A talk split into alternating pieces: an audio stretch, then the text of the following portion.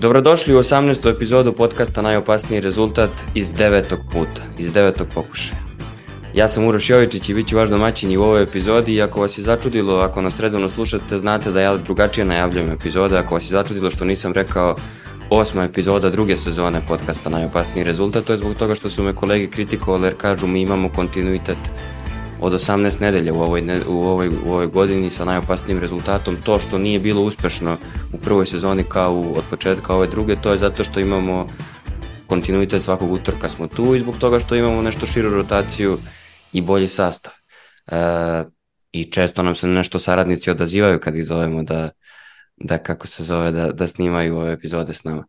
E, sa mnom su danas Vladimir Novaković u Antwerpenu, Saša Ibrulj u Stokholmu, i Mihovil Topić u Mišu iz razloga što ćemo razgovarati o jednom jednoj specifičnoj temi, zapravo o specifičnim temama. Nećemo imati u fokusu samo jedno ili dva pitanja kao do sada, nego ćemo se baviti vašim pitanjima. Na to smo se odlučili zbog toga što smo želeli da intenziviramo tu interakciju koja je zaista pozitivna od početka ove sezone i da vam se svima zahvalimo zbog toga što ste što postavljate pitanja, što ste uključeni, što dobro ocenjujete ovo što radimo i da vas zamolimo da nastavite sa tim i da delite sa prijateljima kojima bi ovaj sadržaj mogao da bude zanimljiv. Pre nego što krenemo sa Q&A delom da zamolim uh, naše saradnike koji žive u Belgiji i u Švedskoj da malo razgovaramo o događaju koji se odvio sinoć, višestruko ubistvo koje se dogodilo u, u, u Briselu, zamolio da kažem u Brazilu, koje se dogodilo u Briselu e, kada je kada su ubijena dva navijača Švedske i prekinuta je utakmica, nisu timovi hteli da izađu na teren ponovo, pa samo kratko, najkraće moguće da nam Saša iz Stokholma kaže kakva je situacija jutra tamo. Pa, rekao bih da ono, ukratko, očekivana reakcija, ljudi su šokirani, ljudi su u, u stanju šoka, jer ne dešavaju se takve stvari. U stvari izgleda nam kao da se ne dešavaju često, međutim, kad hoćeš da podvučeš crtu i kad ka, da kažeš u jednoj kratkoj rečenici hoćeš da kažeš da je svijet trenutno govno i ovo se samo nadoštiklalo na sve ovo što se dešava posljednjih dana i posljednjih meseci i nekako samo, samo, samo nam nadolaze nove stvari, tako da futbal bi rekao da je sporedna stvar u svem ovome, odnosno da je bio samo kolateralna šteta e, trenutne situacije u svijetu i da je taj idiot jednostavno prepoznao dva žuta adresa i da je zato napravio to što je napravio. Ali ne znam, situacija je takva kakva je katastrofalna i jednostavno čovjek više ne zna kako da, da se postavlja prema svemu ovome, pogotovo ako imaš djecu, pogotovo ako imaš familiju i ne, ne znam, jako teška stvarna situacija. Ja bih naglasio pre nego što dam vladi reč samo da za moj izgled zadužena danas jedna devojčica koja se jučer rodila, tako da sve što imate da zamerite, sačekajte da malo poraste pa zamerite njoj. A za vladin izgled je zadužen tekst koji je pisao do pola sedam ujutru o, o upravo o događajima u Briselu. Vlado daje neke prve utiske od jutros uhapšen, odnosno nije uhapšen, nego ubijen napadač i za njegovim saučesnicima se traga kako su belgijski mediji preneli. Da, čovjek ima pet minuta da se spakuje, ode i slika ovi, u sred grada, bukvalno na, na, na trgu preko kojeg da, da pređe za to vreme jedno 500 automobila.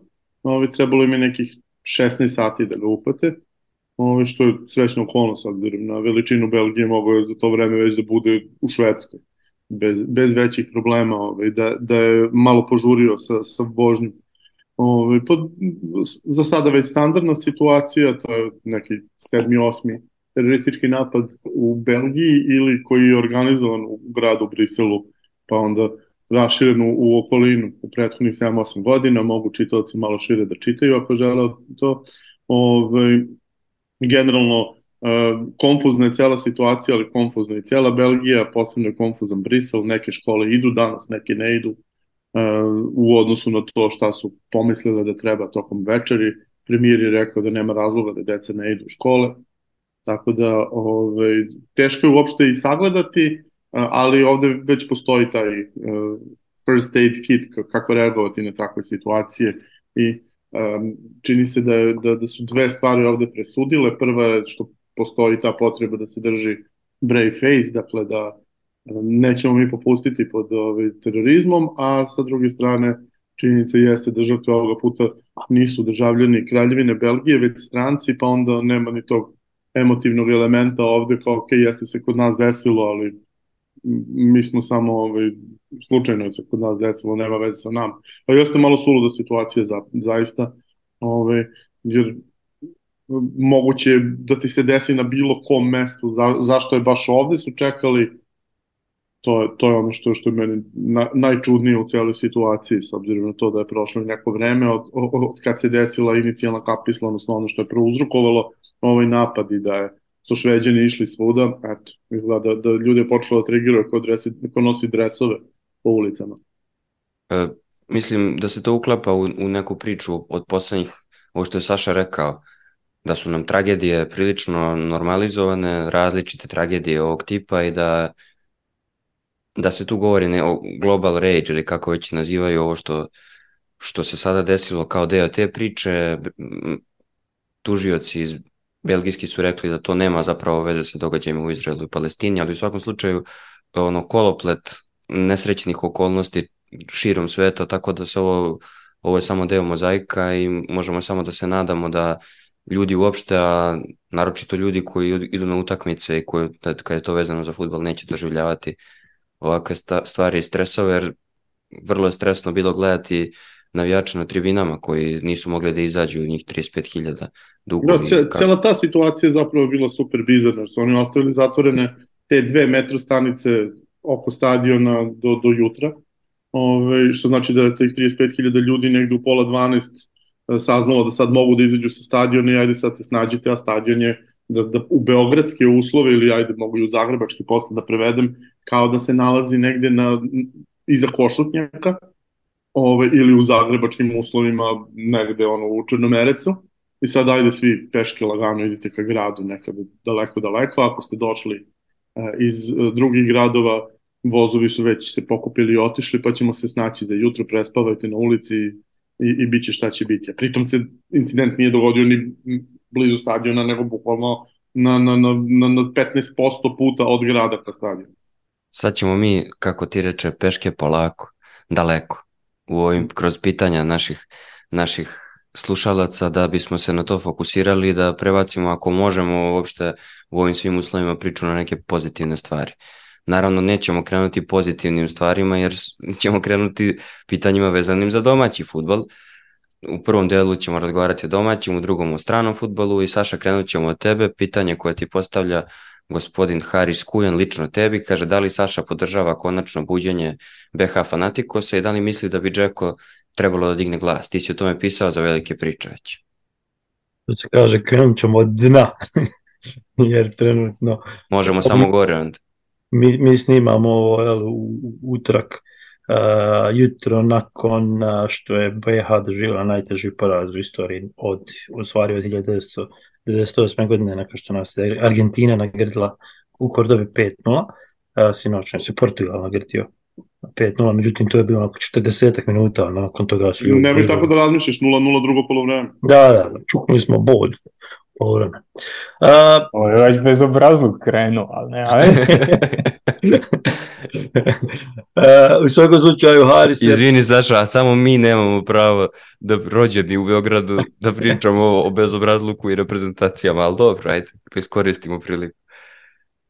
E, ovo što je Haris pitao, u suštini je pitanje koje se vrti u, B, u, u BH krugovima, nogometnim futbalskim krugovima odavno i koje je u stvari trik pitanje kad se trebaš postaviti prema njemu jer se moraš prvo graditi, reći da te nikako, da nikako nasilje ne opravdavaš, da ne želiš nikakve belaje i nešto slično, jer nam se i to dešavalo kroz zadnjih 20 godina, tako da te ne, ne diskreditira ono što kažeš, odnosno da, da to što kažeš ima neki, neki značaj. A, mi smo, to sam pisao u tom tekstu kojeg si spomenuo, Uroše, mi smo došli u jednu tačku gdje ti više nemaš šta reći, nemaš kome reći, nemaš kako reći, nemaš kako argumentovati to što misliš i artikulisati to što misliš i argumentovati da to ima nekog smisla, jer kome, zašto, e, na koji način i, i vrtiš sukrug i pričaš jedne te iste priče bukvalno do besvijesti dok, dok ti ne dosadi ili tebi ili, ili čitavcima ili urednicima i dok te neko ne nabije nogom. Tako da, da nema se tu nešto novo reći. I to me dovodi do, do te prv, prvog dijela toj priče, a to su te institu, institucionaliza, institucionalizovane promjene, kako oni to kažu.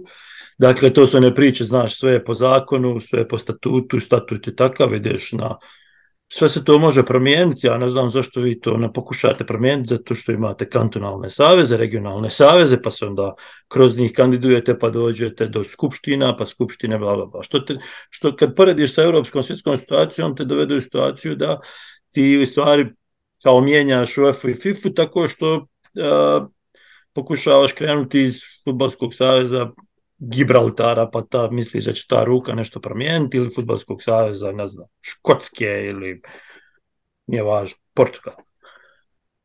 Hoću reći, ništa se ni, ni s te strane ne može promijeniti, jer je sistem napravljen tako da, da se ne može mijenjati, da su oni koji su trenutno uhljebljeni u tom sistemu zaštićeni kao polarni medvjedi i da im ti ne možeš ništa ni na, ni na, na, na taj nekakav normalan, legalan način u koji to oni kao usmjeravaju.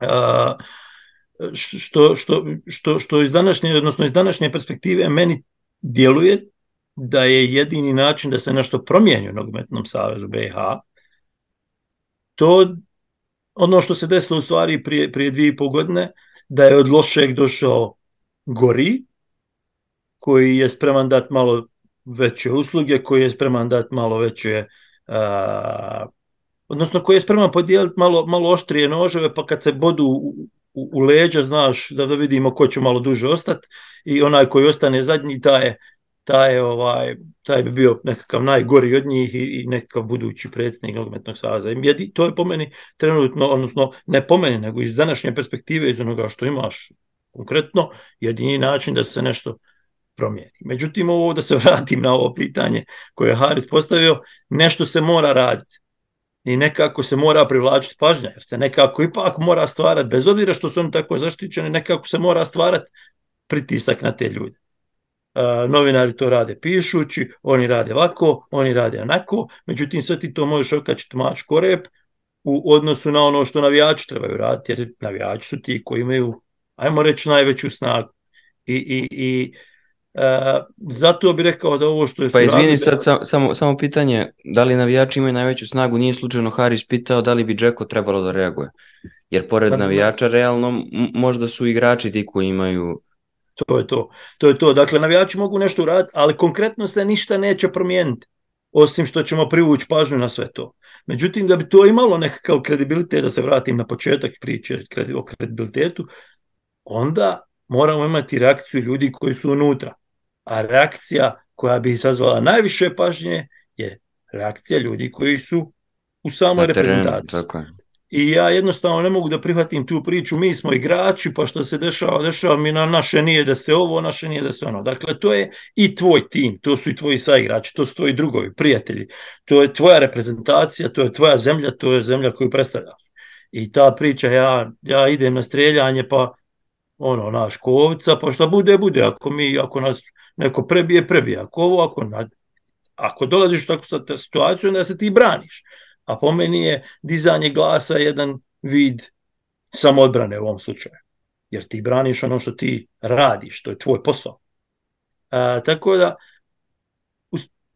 mislim da je važno napraviti razliku. Puno ljudi poziva na neki bojkot na ovo, na ono. Mislim da, da ni to nije rješenje, jer onda daješ sasvim drugi, drugi kontekst samo tome ali jeste rješenje da ljudi dignu glas, da igrači dignu glas i kažu ovo je naše mišljenje, ovo nije u redu, ovo nije u redu. Ostalom to su radili rukometaši, košarkaši, odbojkašice i rukometašice i nastavili igrat i borili se za tu reprezentaciju, borili se za zemlju a, i, i, i pokazivali da im je stalo, ali su se borili i za sebe i za svoje uslove, odnosno za svoju reprezentaciju i svoj tim. I mislim da je vrijeme da igrači a, jer svi to rade nakon što napušte reprezentaciju, i tome smo svjedoci, da konačno, je kasno prilično. što je kasno, da konačno zauzmu neki stav. I da mi znamo kakav je taj stav, osim mi smo igrači, naša nije ništa da se pitamo. Ako vam je stvarno to mišljenje i ako vam je stvarno to stav, onda imate problem sa samopoštovanjem iz, iz moje perspektive. Bilo je to na protestima u Beogradu, neka parola ako vam je dobro, onda ništa. E, upravo tako. Ako vam je dobro, onda ništa. Dakle, ne mislim da treba neki bojkot, a, ali mislim da nam treba glas najvažnijih igrača, jer će taj glas privući pažnju, jer će taj glas ne samo olakšati borbu svima nama ostalim, nego će stvoriti pritisak na ljude koji rade to, bez obzira što oni nemaju sada nemaju osjećaj odgovornosti, pa daj da probamo da im barem na taj način stvorimo nekakav osjećaj odgovornosti.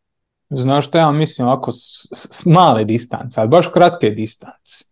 Hrvatska je bila u nešto boljem re- rezultatskom tonusu. Imala je nešto bolje igrače i sve to.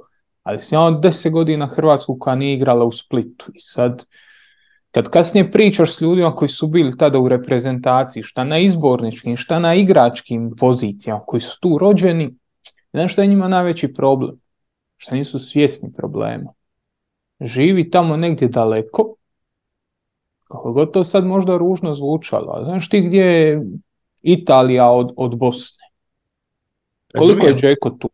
razumijem ali ovdje imaš situaciju, ali ovdje imaš situaciju gdje njima mijenjaju direktnog prvog, pr, prvog prepostavljenog treći put u, u pet utakmica. Misliš da, misliš da ih smeta to? Jer sav moj, sav moj, svo moje iskustvo s igračima je da je njima praktički skoro sve jedno koji izbor. To se donekle slažem, ali sad si u situaciji gdje ti Ko u vojsci? Ja ne Ali- znam, vi ste služili vojsku, ja, ja i Uroš smo mladi, mi nismo. Vi u. JNA kad ste bili, šta te boli ko je tamo pukovnik, nadređeni? Ali stani, ali, ali ovdje si u situaciji da se ti boriš za nešto tvoje, ti hoćeš da ideš na to evropsko prvenstvo. Ajde da je to situacija da smo mi jednom promašili, da smo, ili da si imao situaciju gdje je Hrvatska, gdje ti si negdje na nekakvom tamo vamo, nekad prođeš, nekad ne prođeš, neke utakmice dobiješ, neke ne izgubiš, pa nećeš ni da te lasaš ni. Mi smo došli u situaciju, razumijem da je to bilo tako nakon Brazila, nakon Kipra, nakon Irske, razumijem tu situaciju, ali sad si došao u situaciju da nemaš više šta, šta gubiš ti, šta, šta dobijaš. Ta dva pitanja, šta ti kao igrač dobijaš kao igrač za reprezentaciju? Ubijete ovaj, ubijete Luksemburg, ubijete Liechtenstein, ubijete... Nema ko te više nije ubio. Da, često si na Valjda- meti, zapravo, si, valjda imaš- zapravo ti trpiš kad dođeš da igraš tu, umjesto da ti to bude neka vrsta zadovoljstva ili ispunjenja bilo kakvo. Pa valjda imaš neko samo poštovanje da kažeš čekaj kad već dolazim tu daj da za nešto igram, daj da se za nešto borim. Osim ako što si ti malo preko, ako im je dobro ovako, onda nam je svima dobro ovako, onda ne se šta maltretirati sa tom. To, to zavisi od toga šta se na Iliđi dešava. Ako im je dobro tamo, možda imaš- ih ne zanima previše šta se dešava O, na ovo zvuči kao ako je na Iliđi festival, onaj narodne muzike što je bio, onda je sve ok, ako nije, Da, za- zato što su na Iliđi te čuvene kafane Znam. kojih se se vrtilo. Ali, Naravno. ali ne znam, malo, malo je teško više, kažem opet, teško mi je artikulisati uopšte više šta mislim, jer više ne znam šta da mislim ovo. Sve sam Znači, pokušao. Haris pokušao sam i- Saša ne podržava nasilje, ali misli da, da navijači kada, kada tako nešto urade, može da pronađe neko razumevanje za, da to neki njihov akt, neki čin kojim pokazuju nezadovoljstvo i nije mu jasno sasvim kada i zašto Pokušaj će, da se zašto, objasni ovo. ja. zašto igrači ne, pa ja sam čitao i taj tekst i pričao sa Sašom, vjerojatno najviše od svih o tome, tako da mi potpuno jasno koliko je to teško artikulisati, ali jasno je svima nama kada navijači prekinu utakmicu na ovaj način, nije isto kao kada je prekinu na neke druge načine, kako su to radili navijači Srbije, recimo u Đenovi, mada je kao navodno cilj isti u svakom Da. slučaju, ovo je neka Stop objava, nasilju. ovo je neka objava rata e, BH Fanatikosa Savezu, kako smo mi to sa strane mogli da Ali, razumemo, sa, ali samo u inostranstvu. ali sa, da, Za sad tako izgleda samo inostranstvo. Ali ovo što, što Miho govori je apsolutno... klasičan ono ka, kao Udba što je vodila rat, rat samo na teritoriji skandinavskih zemalja, neprijatno. na teritoriji neprijatelja. Ovo što Miho govori je apsolutno dobar argument i apsolutno, apsolutno se slažem s tobom Miho. da su igrači generalno nezainteresovani za ono za što smo mi kao, kao neko ko je emotivno vezan za sve to zainteresovan. Ali ovdje imaš situaciju, to, to me najviše frustrira. Nije to situacija koja traje tri mjeseca ili pet mjeseci ili šest mjeseci pa ti kontaš, a kad dođem sljedeći put bit će bolje. To nekim igračima traje već 15 godina. Pa kako E, ali- čovječ? E, ali znaš šta, šta mene uvijek tu muči? Imao sam to iskustvo iz prve ruke. Evo, reću ti, reću ti šta je bilo. Ima jedan dečko, e, kad sam polagao licence pa sam morao odraditi praksu, ima jedan dečko, doveli su ga iz BiH. E, kao talent, sve super, nije dobio papire za Dinamo, parkirali su ga dolje niže, mali nezadovoljan. I sad, šta je bilo? Razgovaramo, razgovaramo. Oni su ga doveli kod desno krilo, dečko igra zadnjeg veznog, ne može se sastaviti sa sobom.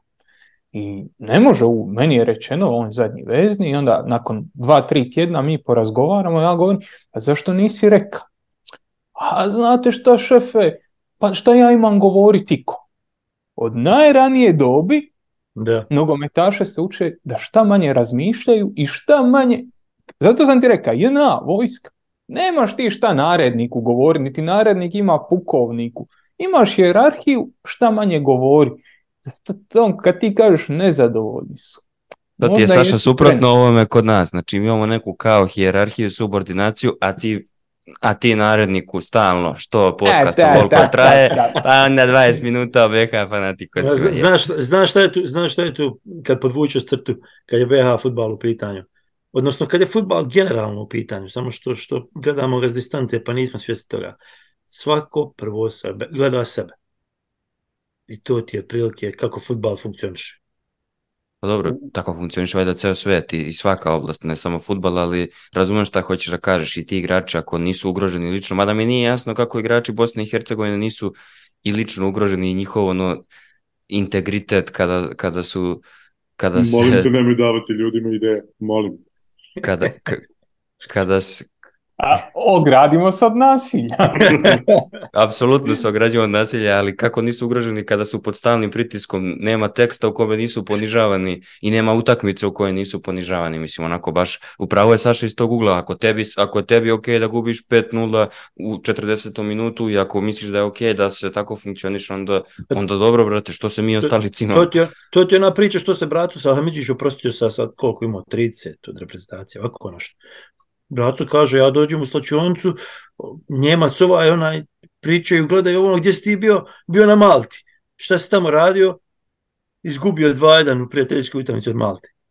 A znači nije da on nije htio da se bori, da ide, da čovjek išao da igra prijateljsku na Maltu. Znaš, uvijek je priča, neće, nema zalaganja, nema. Čovjek išao iz Bajera da igra prijateljsku utakmicu za Maltu, ali tamo dobije po guzici. I onda kaže, dođemo u slačionicu, kaže, glavna šprdnja sam ja kad uđem u slačionicu. Zato što gubim od Malte. E, taj mi dio nije jasan. Kako se možeš dozvoliti na ovaj ili na onaj način da, da konstantno dobijaš po od Malte, od Luksemburga i od nije važno, Estonije, Armenije, da sad krenemo vrajati, toliko kad smo mislili dobili po guzici, možemo ugasiti podcast. Od Finske, od Kazastana, od, od, od Islanda. E, Možda da nam nikad koga niste. I onda mi dođe lik i kaže, a ostani, možda kvalitet nije, niste kvalitete da, da pobjeđujete. Pa stani, očekujemo da pobjeđujemo Brazile i, i Argentine, ni, ni Hrvatske, ni, ni Francuske, ni Portugala. Samo očekujemo da dobijemo Kazastan, Armenije, Kod kuće. šta znam. A ako ništa Da. kod kuće. Pa nema mi se. Zanimljivo je da to Har. Harise čitaćeš o ovome sigurno na velikim pričama još koji tekst. Zanimljivo je da o hrvatskoj reprezentaciji nije stiglo ni jedno pitanje. Stiglo je nekoliko pitanja o srpskoj. O Hrvatskoj nije ni jedno, a zanimljivo je... Tamo je stanje šoka. Odmah, Imao bi- nam. Imao bi Miho šta da kaže, verovatno, o tome, Pa, ali ćemo Mihi ti da reći da postavimo. E, odlično. Znaš, Trebao E, sam odlično. sam jučer razgovarati sat i po o reprezentaciji. Nemam šta reći. Šta je bilo? Nemam pojma.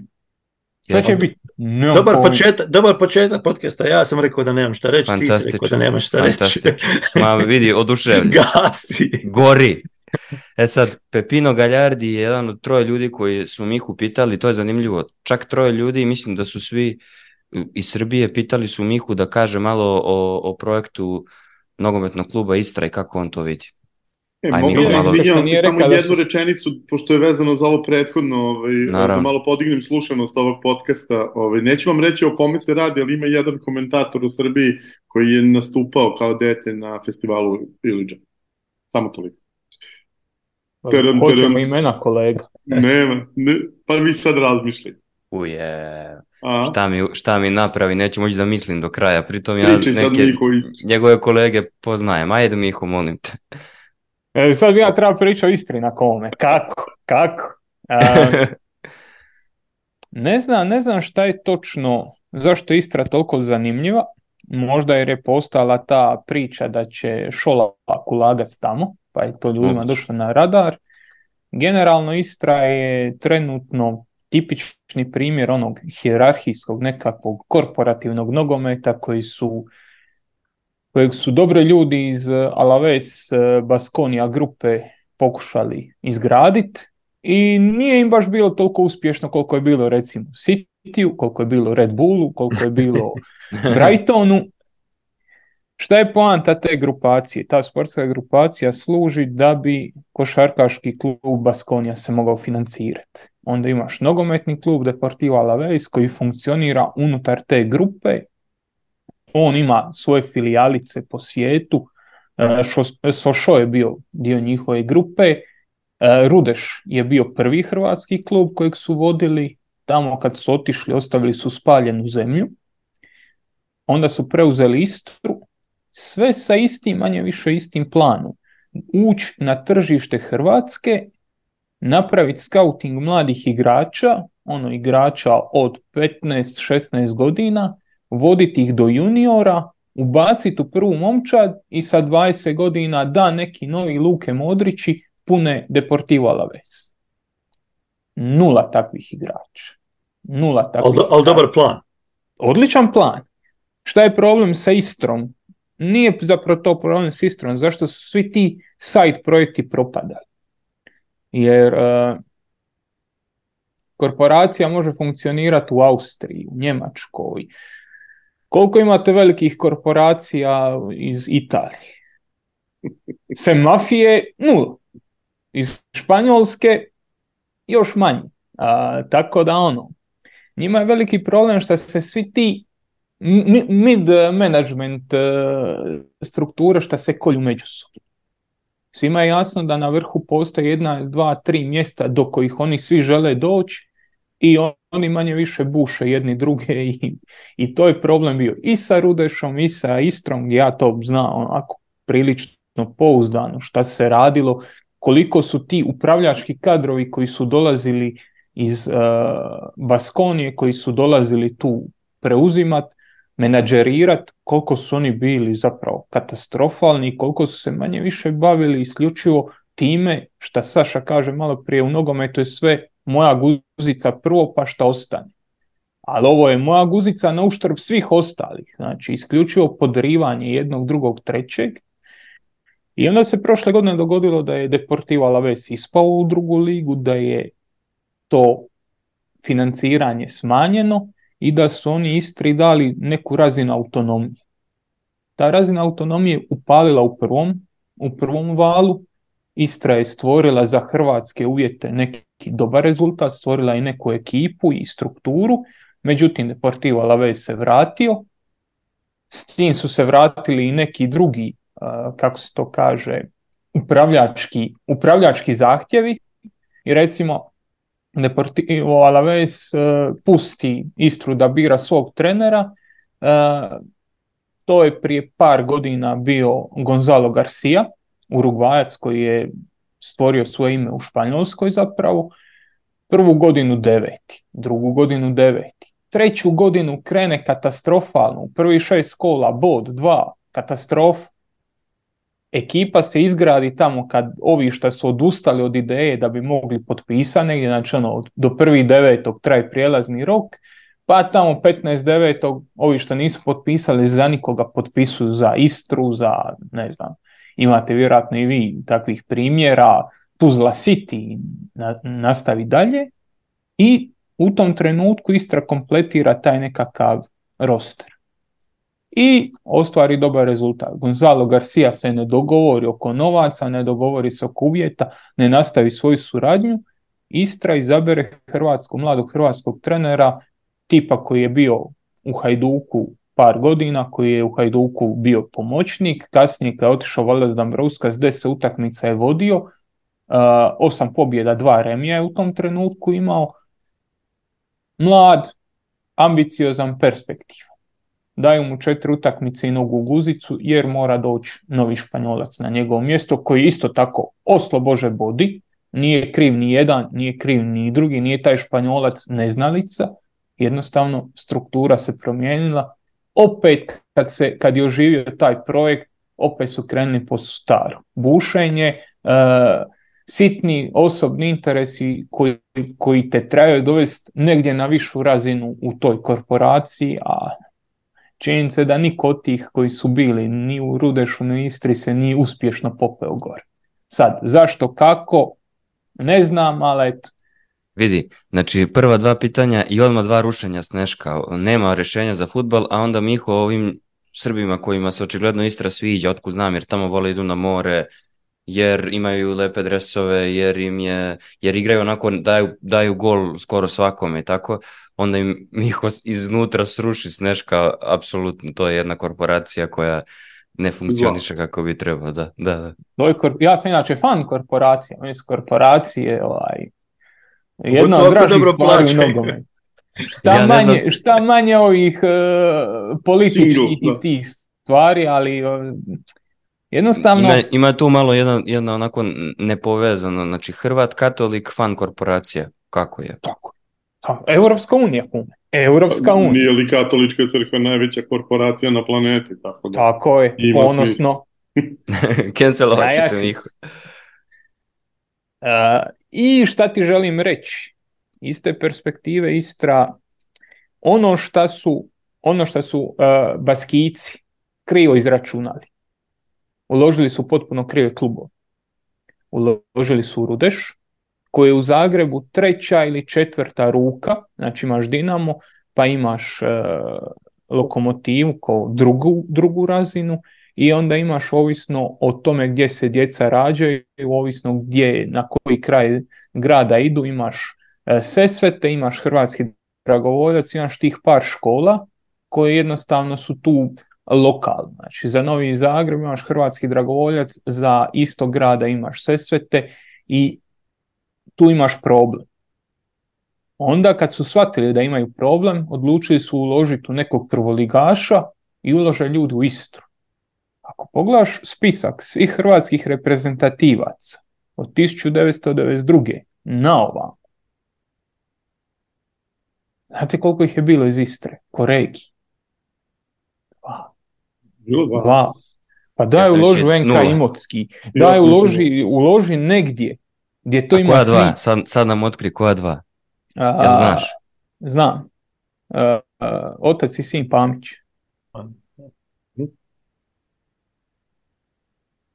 tako da ono, idemo, idemo u krivom smjeru momci, iz, skautirajte, ne ono, to ko da gradiš, ne znam. Ja reko nama kaže kao krenuli smo u krivom smjeru. I jesmo i mi, jesmo i mi. Ali, to, je, to je činjenica.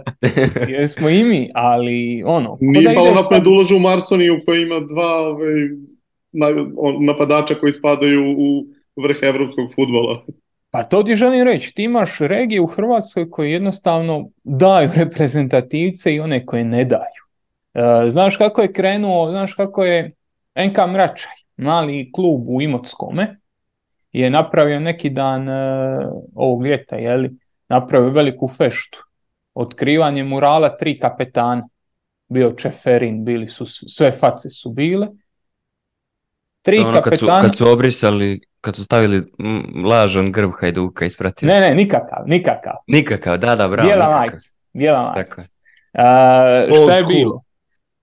To je klub iz sela, doslovno seotski klub, koji je dao tri kapetana reprezentacije, Iko Buljan i uh, Gudelj, kapetani Jugoslavije i Zvone Boban, kapetan Hrvatske. Onda ideš dalje, koliko je ta regija dala, ta mikroregija, opština koliko je dala uh, reprezentativaca, položi tu. Gdje ulažeš u, ono, ko da ideš gradit, uh, ne znam, ribogojilište, ali ono, u Baranji negdje gore. Ja, to idi na more. Tito u Smederevo, ove, šta ovde uspeva grožđe, a gvožđe. Gradimo železar. železar, železar.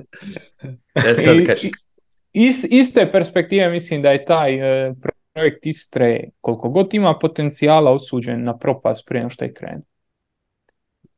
kako bismo malo ispravili krivi pravac u kojem smo krenuli, ali ja sam zadovoljan vašim odgovorima. Zanimljivi su, mislim da će i slušalci biti zadovoljni. Sad ćemo da spojimo kod Lade nekoliko pitanja vezanih za Crvenu zvezdu. E, Mateja Marinković pita mišljenje o Baraku Baharu u igri Zvezde ove sezone.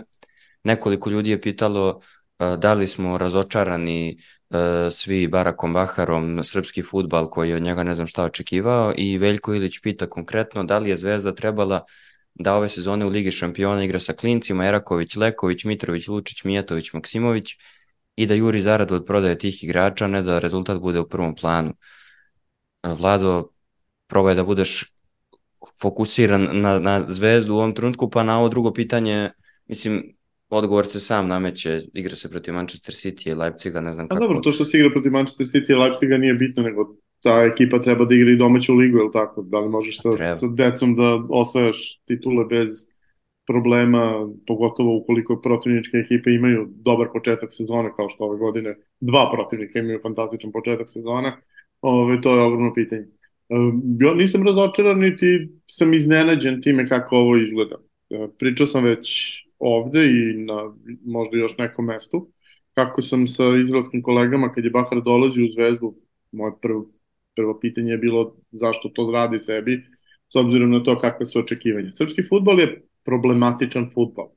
Srpski futbol je baziran, nije baziran na a, ni na kakvoj tehnici, ni na kakvom a, razumevanju modernosti, niti ga modernost zanima. Srpski futbol funkcioniše tako što je e, bitno samo ko ima više individualnog kvaliteta i taj individualni kvalitet pravi razliku. Kada je Partizan pokušao da igra prošle sezone sa, sa trenerom koji će da ih pomakne u novu eru, završilo se tako što su mu dali otkaz u avgustu. Dakle, nisu čačekali ni 1. septembar. Ove, Pričamo, samo naglasi Pričamo o Iliji koji- Stolici, Da, kao jedinom Stolici. srpskom treneru koji pokušava da igra futbol koji liči na 2023. a ne na 1985. E, Ovaj- sad čekaj, sad moram da te prekinem. Imamo pitanje, da li u Srbiji postoji, Mario Kijano pita, da li u Srbiji postoji makar jedan trener Da, čiji Stolici. tim igra, čiji tim igra nešto nalik modernom futbolu? Evo, Mario dobio si odgovor, možemo dalje. Da, da, Ilija Sad, sad ste dobili Fetch Dudić. Eto, ove, i, i e, to je stvar koja, koja jeste e, gotovo pa neizbežna. Ne možeš ti igrati modern futbol u Srbiji u situaciji u kojoj ostalih 14 klubova neće pokušati. Mislim, pričam sad u, u ime i Zvezdi Partizana. Ne možeš igrati mod, moderni futbol protiv timova koji ne pokušavaju ništa protiv tebe da rade osim da stoju u najnižem mogućem bloku i da čekaju da prođe vreme, a ti si pod pritiskom jer drugačije je ti pritiska ovde. Mi stalno pričamo kad pričamo o Englezima kako mora da se stigne do tih 90 bodova. U Srbiji tebi komotno može 100 bodova da ne bude dovoljno na manji broj utakmica od tih engleskih 38, ovaj, što smo imali priliku da vidimo u prethodnim sezonama. Dakle, ti moraš da osvajaš i mnogo više bodova nego što osvaja City i više bodova nego što osvajaju Real i Barcelona da, da, da dođu do svojih pobjeda. Pre ili kasnije moraš se okrenuti ka tome da to rešavaš individualnim potezima igrača koji su bolji. Barak je pokušao da Zvezdu okrene potpuno da bi postala konkurentna na ovom sledećem nivou. Dakle, to je pokušaj da ti uh, tim na, načiniš konkurentnim na nivou neke ozbiljne Evrope. Dakle, protiv ovakvih protivnika kao što su Young Boys i Leipzig, protiv City i tako niko ne može da parira, ali protiv Leipziga bar da ne izgledaš kao što se izgledalo protiv Spursa pre neku godinu pa da primiš devet komada u dve utakmice, a protiv Young Boysa da pokušaš da e, završiš uspešnije ne, kao što se završilo protiv Olimpijakosa ove, pre, pre nekoliko godina. E, da li je uspeo? Pa mislim da je to proces. Ovo je prvi put šest godina traje ova nova era Zvezde, dakle od leta 2017. kad su konačno počeli nekoga da pobeđu u Evropi. E, za tih šest godina e, igralo se na onaj jedan način i sada pokušava da se nauči nešto novo. i to će trajati, to ne može da prođe tek tako, drugo nemojmo zaboraviti, to mnogi zaboravljaju, a to, to se najbolje videlo zapravo tamo 2000-ih, dakle pre 2010. kad su Zvezda i Partizan najbolje igrali kada imaju što više tih utakmica, da krenu prvo kola kvalifikacija, da protiv onih najgorih, da protiv Florijane recimo na početku tog niza igra nerešeno, da bi posle toga uh, stigao da, da se uigra. Zvezdina prva evropska utakmica je bila puf, dobar dan, gosti ste Manchester City-a Dakle, apsolutno nisu imali kada da se uigravaju za takve stvari, a kao što rekao, u domaćoj ligi je sistem funkcionisanja same utakmice potpuno drugačiji, dakle igraš na... I naglasio bih samo, izvini, da odloženi su večiti derbi zbog situacije na Kosovu i Metohiji i čini mi se utakmice sa TSC-om. To nije Tako da- problem. Da, to, pa to... da li Zvezda jedine dve utakmice u kojima Jeste, bi imala... A, a, ali, ali, su, ali su to takmičarske utakmice, dakle to nije, kaže, nije da. to iz, iz ovog ugla, to su utakmice koje se moraju dobiti jer su six pointeri, dakle ako ti izgubiš, protivnik je otišao plus 3 u odnosu na tebe. Nama, ne, ali bi ne one značile verovatno da se ekipa uigra, pošto ova ekipa e, pa, potpuno ne, uigra. To hoću da ti kažem, tu se nećeš uigravati. To nisu utakmice za uigravanje. Uigravanje su utakmice koje igraš sa sebi sličnima, ali nisi po, tom, po tim nivom presije. Ovo su utakmice koje su baš ultra nivo presije, pogotovo kad vidiš kako je TSE krenuo u sezonu i kako je Partizan krenuo u sezonu. Dakle, to nećeš se tu igravati. Tu ćeš igrati na, na 1-0 kako znaš i umeš kako se igra svaki derbi godinama u nas. Ne sa Topolom, s njima se igra atraktivno, nego sa Partizanom. I uh, uh, s te strane ne možemo da imamo apsolutno nikakvu ideju kojom brzinom ovo napreduje dok ne budemo videli u Evropi malo više utakmica uh, ovo protiv Young Boysa poslednjih pola sata izgledalo zaista veoma ohrabrujuće koliko je to do taktike, a koliko opet do individualnih uh, vrednosti igrača, o tome se, se, se da pričati. Ja generalno mislim da nije, nije pametno da se tako naglo seče sve. Dakle, kada se preseklo tokom leta, preseklo se tako što je klub trebalo da počne igra potpuno drugačiji tip futbala, da bi igrao totalno drugačiji tip futbala treba ti i totalno drugačiji igrački kadar. Zvezda nema kompletan igrački kadar da se tome prilagodi. Ona je samo krenula prošle godine dovođenjem uh, Bukarija i Kangve kao tipova igrača kakve do tog trenutka nikada nije imala. Dakle, pre toga Zvezda je bila, kako zamišljaš Zvezdu, to je Gaylor Kanga, on će uzeti loptu, šutnuti s 35 metara, pa ako uđe, wow, ako ne uđe nikom ništa, probaći još 12. A ume da uđe, ume da uđe, pogotovo kad ne da ume da uđe, nego, nego je neki od najbitnijih golova u, u novoj istoriji kluba. Drugi gol Krasnodaru, da, u Beogradu. Sad, bože, bože moj, skrivio direktno 10 golova tako što nije trčao nazad ovaj, u, u, u tranziciji, ali ko to ovaj, piše, ovaj, to samo ovi što, što prate futbale, ovaj, smarači.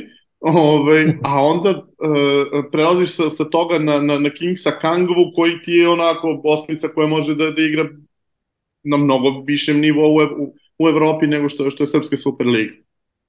I, I taj iskorak se nastavio tokom ovoga leta, ali i dalje nije ceo tim pronađen, uh, a ono što, je, što, što se dešava sa Zvezdom problematično već godinama, to je to stalno e, propuštanje da reši pitanje odbrane, stalno fali jedan, dva igrača u odbrani, uvek jedan bek, uvek jedan štoper, jedva se pokrpe i odlaska Merakovića praktično ostala je rupa koju sada pokušavaju da krpe igračima koji su centralni vezni, bekovi, drugi bekovi koji nikad u životu nisu igrali na toj poziciji, najčešće nisu igrali uopšte ni u tom sistemu u svojih prethodnih 10 seniorskih godina.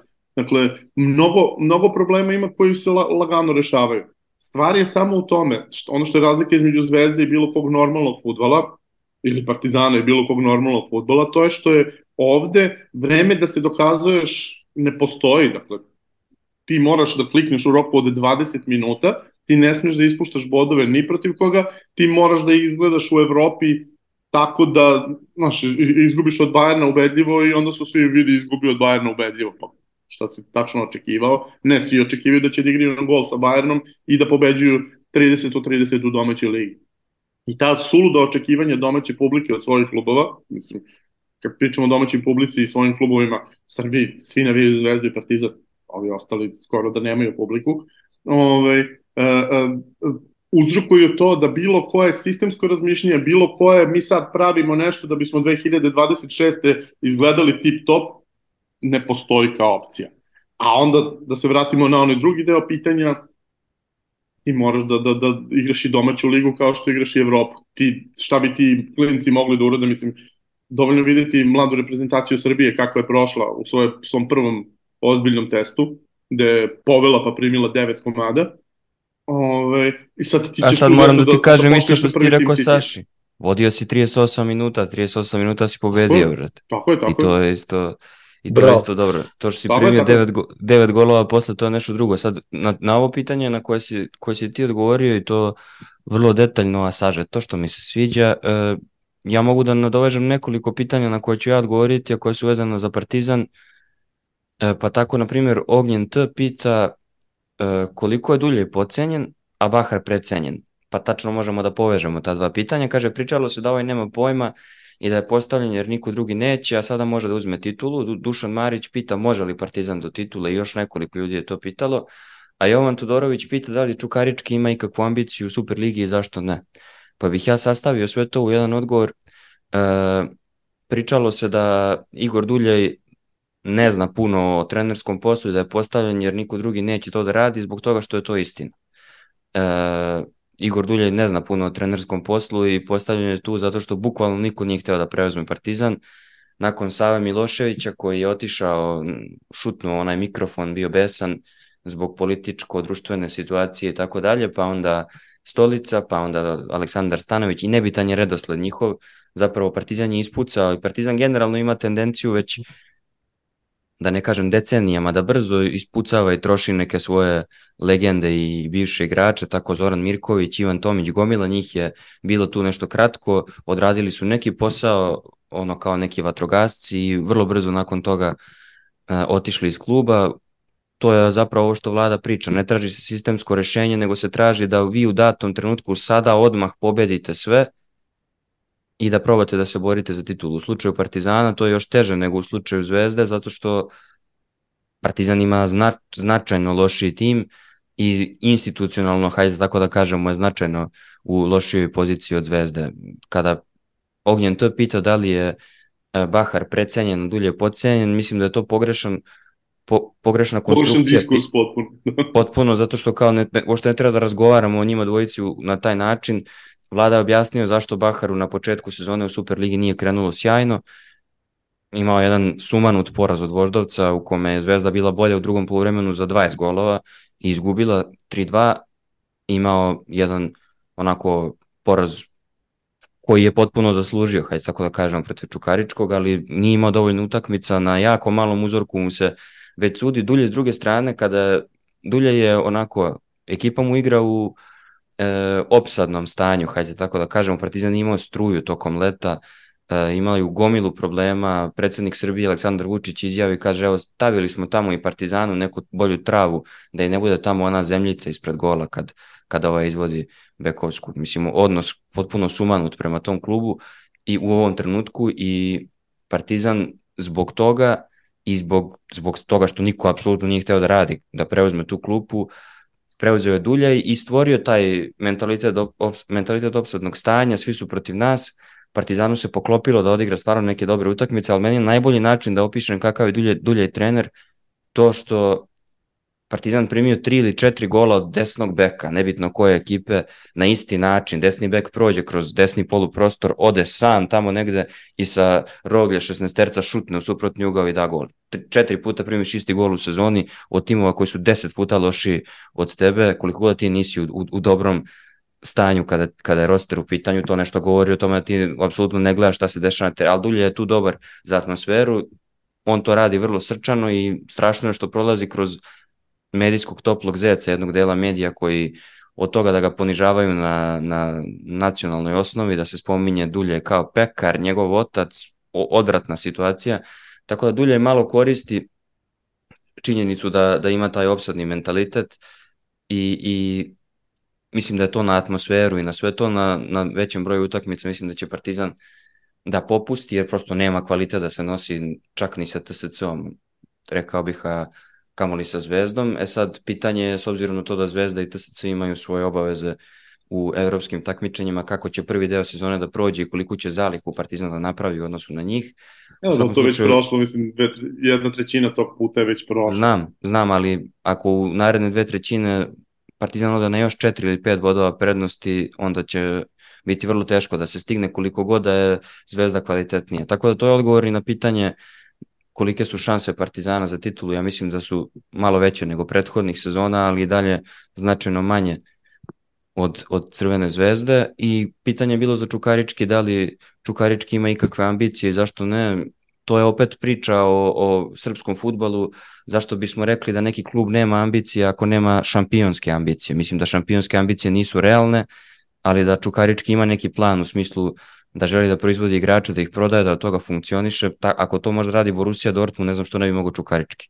Pogotovo bez ikakve, ikakvog fan base i bez m, bez ono realnih mogućnosti da se upuste u neku Bez sramotno ikakvog fan base Da, i bez mogućnosti da se, pritom to nije klub koji ono ima nikakve rezultate, ispada iz lige i ojo klub, oni su tu stabilni, postoje već neko vreme, igraju solidan futbal, može uživo da ih ko, ko ih pogleda uživo može, može da im bude vrlo zanimljivo, imaju neke igrače koje, na koje, koje pikiraju i Zvezda i Partizan i neki evropski klubovi, tako da mislim da je to onako dovoljno govori o srpskom futbolu kada Čukarički nema nikakve ambicije. E sad, Mogu ja samo, samo na, na trenutku da, da, da se osvrnem na ovo od Duljaju kao treneru. Samo treba da, da se sete svi kako je prošlo sa Petrićem prošle sezone. Dakle, Petrić je preuzeo klupu u trenutku kad je Partizan imao jezive rezultate, iako je imao trenera koji bi ga naučio da igra futbol bolje nego što igraju sada. Ali to traži vreme. I, ovaj, I onda je Petrić došao, zaređao sa sjajnim rezultatima, sve je bilo super i onda je došla polusezona, kako je krenula druga polusezona, u roku od mesec dana se sve totalno raspalo i točkovi su otpali, da tebi jedan ili dva poraza znače kraj bilo kakvih ambicija i Partizan je tako završio tu gde je završio, jako dobar deo sezone nije izgledalo da, da, da, da ide ka tome. Ove, ovaj, tako da, da takve stvari uvek prete um, pogotovo da, da se neslavno završe, mislim. Pa da, mislim, uvek si jednu utakmicu od toga koliko god da, da sve ostalo dotle dobro izgleda. Na, najveći problem sa svim tim ljudima je što niko od njih meni ne deluje, dakle sve te koje si ti pobrojao, ne deluje kao karijerni trener. Dakle, većina njih... Pa, apsolutno. Uh, Zato sam i rekao da Partizan te koristi. Te koji su potrošili, oni ljudi uopšte Tako nisu, ne, ne pokazuju ambiciju da se bave trenerskim poslom u životu.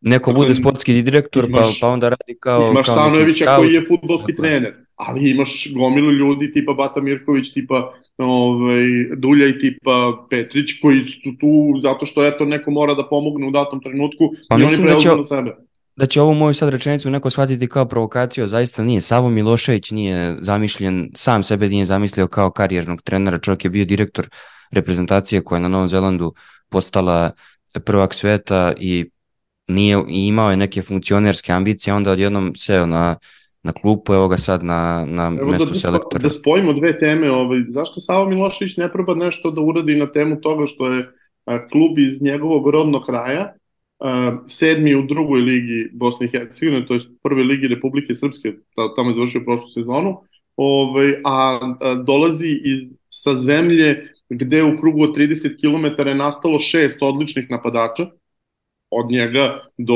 oca Zlatana Ibrahimovića, do Luke Jovića, do, da ne nabrajam sve ko se na, na tom malom prostoru od Zvornika ka, ka Bjeljini ovaj, Sluša Likovo iz eh, Baskonija grupe. Da, da. Ja, ja mislim da je, je li Husrev odatle? Da, oba mu se, oba mu da, se miće. Da, da, da. da, da ne, Kako bi se snašli u Baski ludilo mm -hmm. kakva ekipa. Dobro, zamisli njega, re, ka, ka, zamisli Husrefa kao centar for Athletic Bilbao, u bilo kom trenutku do pre pet godina. Znači, lig bi davao 35 po sezoni. Da, da, bukvalno. E sad, sad samo kad smo, kad smo spomenuli ovo i, i za, zašto oni ne reše te stvari, opet jedna digresija, ali zanimljiva, u ovom trenutku su selektori dve reprezentacije iz Bosne i Hercegovine i rođeni u Bosni i Hercegovini i obojica ali nisu... Bosni i Hercegovini. I, i, ali, pa dobro, ovaj jedan jeste, ali, ali u, svakom, u svakom slučaju ni jedan ni drugi nisu planirali da se bave trenerskim poslom u životu, eto ih selektori dve reprezentacije. No, to, to sve govori... Da, da, da više nije peta, bože mili. da, da, Savo je, Savo je, on je u Bijeljini, valjda rođen, a Krstajić u Zenici. E, e, a Dalić? Da, se... da, da, da, on je, on je u Liji. Da, da, on, on je, on je Mi smo rasadnik trenera. Ali on planirao. Ali on je planirao makar da se bavi trenerskim poslom. E sad kad smo spomenuli ove šampionske trke, da, da postavimo još po jedno pitanje u tom smislu Saši i Mihi. Saša pita, samo da proverim tačno da, da lepo citiram čoveka. E, dobro, uh, username.com mogao sam i da ne kažem ime koje postaje pitanje. Kaže, komentar na igrački kadar borci iz Banja Luke i Sarajeva i da li mogu ozbiljnije da ugroze Zrinski u borbi za titul?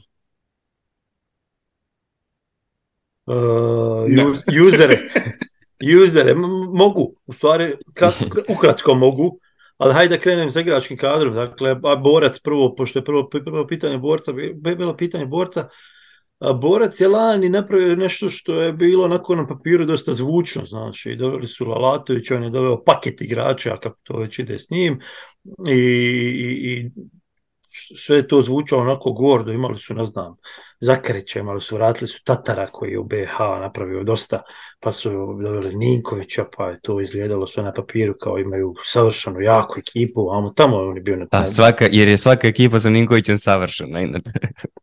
a, da, bi, da bi se to završilo, odnosno da bi početak kraja došao u julu, kad ispadnu od, od Farana, a kad ispadneš od Farana, bez obzira koliko je napravio futbal na Farskim ostrovima, to te dočeka onako ko šamarčina koju su oni neugodno primili i, i nisu se snašli u svemu tome i bez obzira na sve što se dešavalo, uh, ekipa jednostavno, kad si god gledao borac, to je bilo mučenje nekako. Sada je Marinović napravio po meni možda i menima malo, malo manje zvučnu ekipu, ali ekipu koja je sasvim solidna i imaju iskusnog Kvržića koji je bio reprezentativac BH i koji mi je jedini BH igrač u kadru najčešće uh, kako se povrijedio Goman. Uh, imaju i tog nekakvog Hereru koji je došao Kolumbije. Uh, tu je Grahovac, Mila Makarić je zabio četiri gola. Jovo Lukić se vraća u život nakon ovog perioda kad nije mogao ubaciti u teren. Sad je on zabio čini mi se četiri gola. Tu je i Cortez, i, i, i mislim da je za BH uslove to jedna jako dobra, jedan jako dobar roster kojeg je Marinović nekako u miru slaže. Znaš, Lalatović je bio priča, priča, priča, priča. Ovo je maltene ne priča ništa. Ne znam da sam vidio dva intervjua s čovjekom u zadnjih dvije godine. I mislim da je to ekipa koja može da se nosi sa Zrinskim i sa svima ostalima u ligi. Ostalom to pokazuje to Velatran. Međutim, A Sarajevo? Borac ima, borac Aha, ima jedan problem a to je taj vjetar u leđa kojeg imaju. I, i već godina, godinama im to stvara, neću reći pritisak, ali ti vidiš da ekipa u jednom trenutku se ugasi, da samo čeka tu situaciju da padne, da napravi preki, da ima šansu iz, iz slobodnjaka, iz penala, neka to ne dođe, jer, znaš, ne možeš uvijek past tamo gdje ne trebaš past. Tako da sami sebi stvaraju nekakav pritisak tim vjetrom kojeg imaju leđa, jer borac možemo mi sad pričati vamo, tamo, lijevo, desno, pokušavati upakovati ili pokušati da, da budemo politički korektni. Borac od kada je došao Vicu Ziljković, na, na, na, koji je bio predsjednik borca prije toga za one koji ne znaju, za predsjednike Saveza, Borac ima vjetar u leđu. Borac ima ove sezone u, u devet kola, čini mi se da smo devet ili deset kola odigrali. Sedam žutih kartona, što nema logike nikako želju, ima 32. I od tih sedam dobili su recimo pet u 90. minuti zbog naš. Vredi reći Željo koji je isto bio sklon padu gde, gde valja pasti godinama ima sličnu vrstu To je ono što sam pomoći. govorio malo prije, to je ono što sam govorio malo prije kad smo pričali o Fudbalskom savezu. Dođe, bude loš, pa dođe loši. Pa znaš, kaže, što niste pričali o ovome? Jesmo pričali, smo samo sad pričamo malo drugačijim stvarima, jer ova ima drugačije prioritete. Sutra kad dođe neki još loši, mi ćemo pričati o nekim trećim stvarima. Ali u svakom slučaju ne vidim razloga da budu, ne budu konkurentni do kraja i ja vjerujem da će biti konkurentni Zrinskom do kraja. E, Sarajevo, oni su već godinama baš zanimljiva priča, da tako kažem. Oni ulažu puno više od svih ostalih, za BH uslov ulažu jako puno novca, plaćaju obeštećenja za igrače, što je do prije dvije sezone bilo ono a, ne dešava se, dovode bukvalno gomilu igrača, ali nemaju kontinuitet nekakvog normalnog rada, da, da, to, da taj kvalitet kojeg imaju individualni pretvore u nekakav tim, klub. I onda su doveli Dudića iz Veleža koji realno nije imao sreće, iako je to izgledalo sasvim solidno, rezultati nisu bili dobri, tako da on otišao i sad je, jel tako, u Kragujevcu. Onda su pokušali nestati s Varešanovićem, što je bilo neobjašnjivo. Zašto? Jer je Varešanović bio godinama u nekom sukobu s navijačima, pa su onda sebi natovarili navijače na leđa i onda dobili nekakvu hibridnu situaciju, ne znam kako da je opišem, da bi na vrijeme ove sezone doveli Rožmana koji je to poprilično dobro posložio. Sad, neću da kažem da se Miho naljuti da je Rožman neki vrhunski mađoničar, vrhunski trener, ali u BH uslovima to je sasvim dovoljno. To što on radi je sasvim dovoljno da se složi dobra ekipa i da ona izgleda dobro i zato mislim da je to ključni moment za Sarajevo. Jer on je dobio nekakav, znaš, jer je došao u prvom kolu i dobio nekakav mir, dobio nekakav nekako vrijeme za rad koje niko do njega nije imao. A on je dovoljno dobar da da ovaj kvalitet, individualni kvalitet kojeg ima Sarajevo i koji je po meni najveći kvalitet kojeg ima u odnosu na ostale ekipe, da, da napravi od toga neku ekipu. U njih imaš Olivieru koji je došao ove sezone koji je po meni daleko iznad ostatka lige, imaš odličnog Ziljkića, Aydin Hajć se vratio iz Turske i, i, i počeo se vraćati on u život. Uh, imaš i gomilu igrača koji nisu dosegli neki maksimum, ili ako hoćeš gomilu igrača kao što su recimo Čataković, kao što je Penjaranda, kao što je Zeljković, kao što je Avramovski, Aničić, to bi sve bili igrači koji bi bili ključni igrači u, drugim premier ligašima.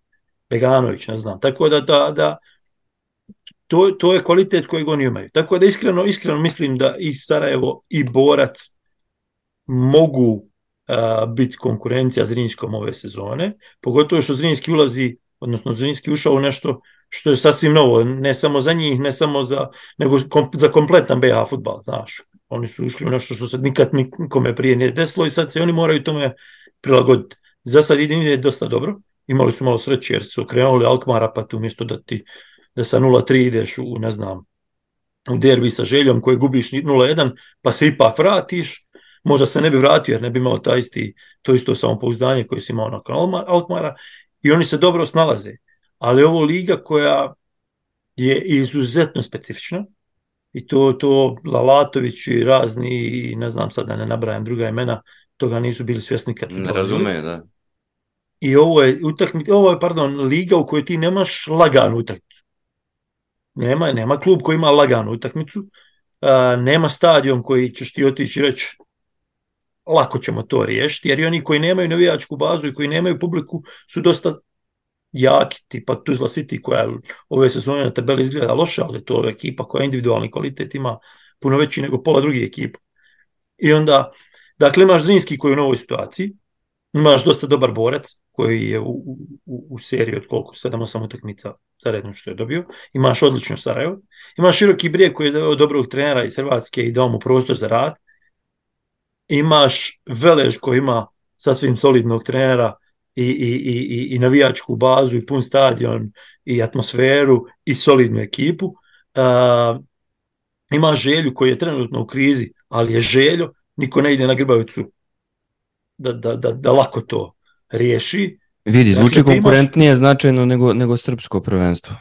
To je to. Dakle, ono što je meni sada iskreno moje mišljenje da bi bilo dobro da neko drugi bude prvak i da neko drugi napravi ovo što je Zrinski napravio, pa da barem imamo znaš, da nam se ne desi da Zrinski od lige napravi Hrvatsku ligu ili Srpsku ligu. Jer ne, ono što mi ne trenutno mi trenutno imamo je to da ta, ta nekakva izjednačenost lige u odnosu na, na lige u, u, u regionu. Da, na to sam mislio. Ne znam što se vlada iznenadio kad sam rekao da je konkurentnija. Realno je u Srbiji ta baza klubova koji ne koji su onako, kod kojih se ne pobeđuje lako u gostima, koji mogu da ti naprave nešto i kad dođu tebi u goste manja nego, nego u Bosni i Hercegovini, zato što je, mislim da je kvalitet razuđeniji.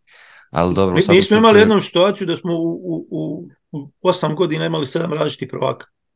Do duše, prošlo je od toga, sad je Zrinski malo dominantniji i sad na značajno nižem nivou kvaliteta, ali...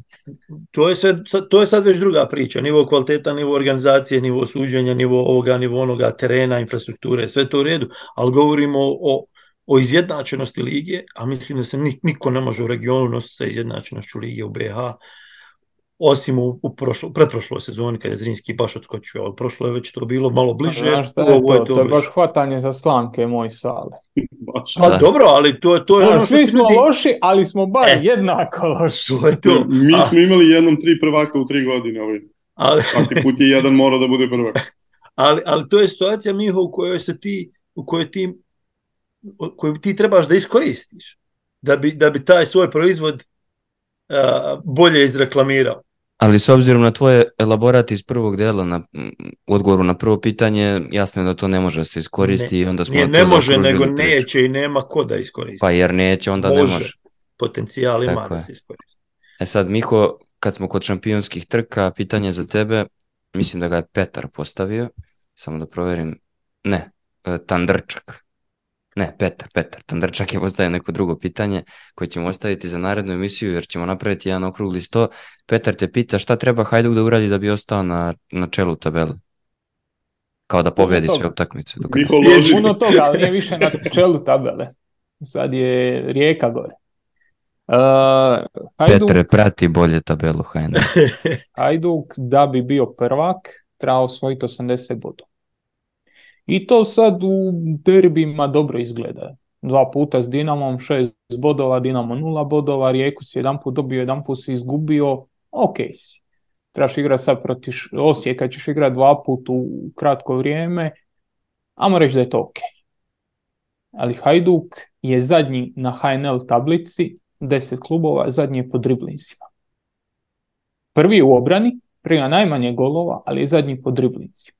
Puno je 1-0 utakmica, puno situacije u kojoj ti te manje utakmice nisi izdominirao i to je ono što bi Hajduk morao napraviti. Jer ti imaš 36 kola. 4 Dinamo, 4 Rijeka, 4 Osijek. 12. Ostalo ti je 24 kola. 24 kola u kojima ti, a sad da ne pretjerujem, moraš dobiti 20. Barem 20. Da ti imaš 60 bodova iz tih utakmica i onda da iz ovih 12 utakmica možeš doći do recimo još 20 bodova, 18. I to bi ti moglo biti dovoljno za, za, za biti prvak.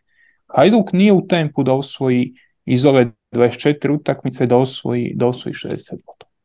Nije u tom tempu. Nije čak da nije osvajao bodove. Uzimali se tu bodovi i, i, i, i, i lokomotivi i Varaždin, ono, uzimali se ti bodovi.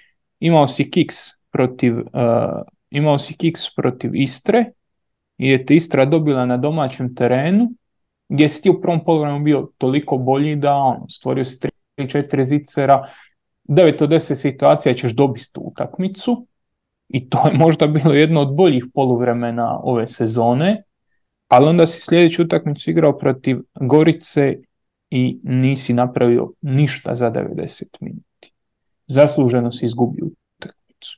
I to je ono gdje će, gdje će Hajduk morat napraviti korak naprijed, puno više rizika će mora preuzimati, sve ovo što Leko radi poslije tog turbulentnog početka, sve ovo što radi u ovom drugom dijelu svog mandata je onako fino, kontrolirano, super, ali ti imaš 24 utakmice u prvenstvu u kojima moraš dominirati suparnikom, a to ne možeš napraviti računajući da ti je prva ideja ne primiti gol, da imaš posjed lopte kojeg vrtiš natrag i da ne želiš riskirati. Kažem, taj podatak da Hajduk je zadnja momčad po driblinzima i pokazuje puno toga.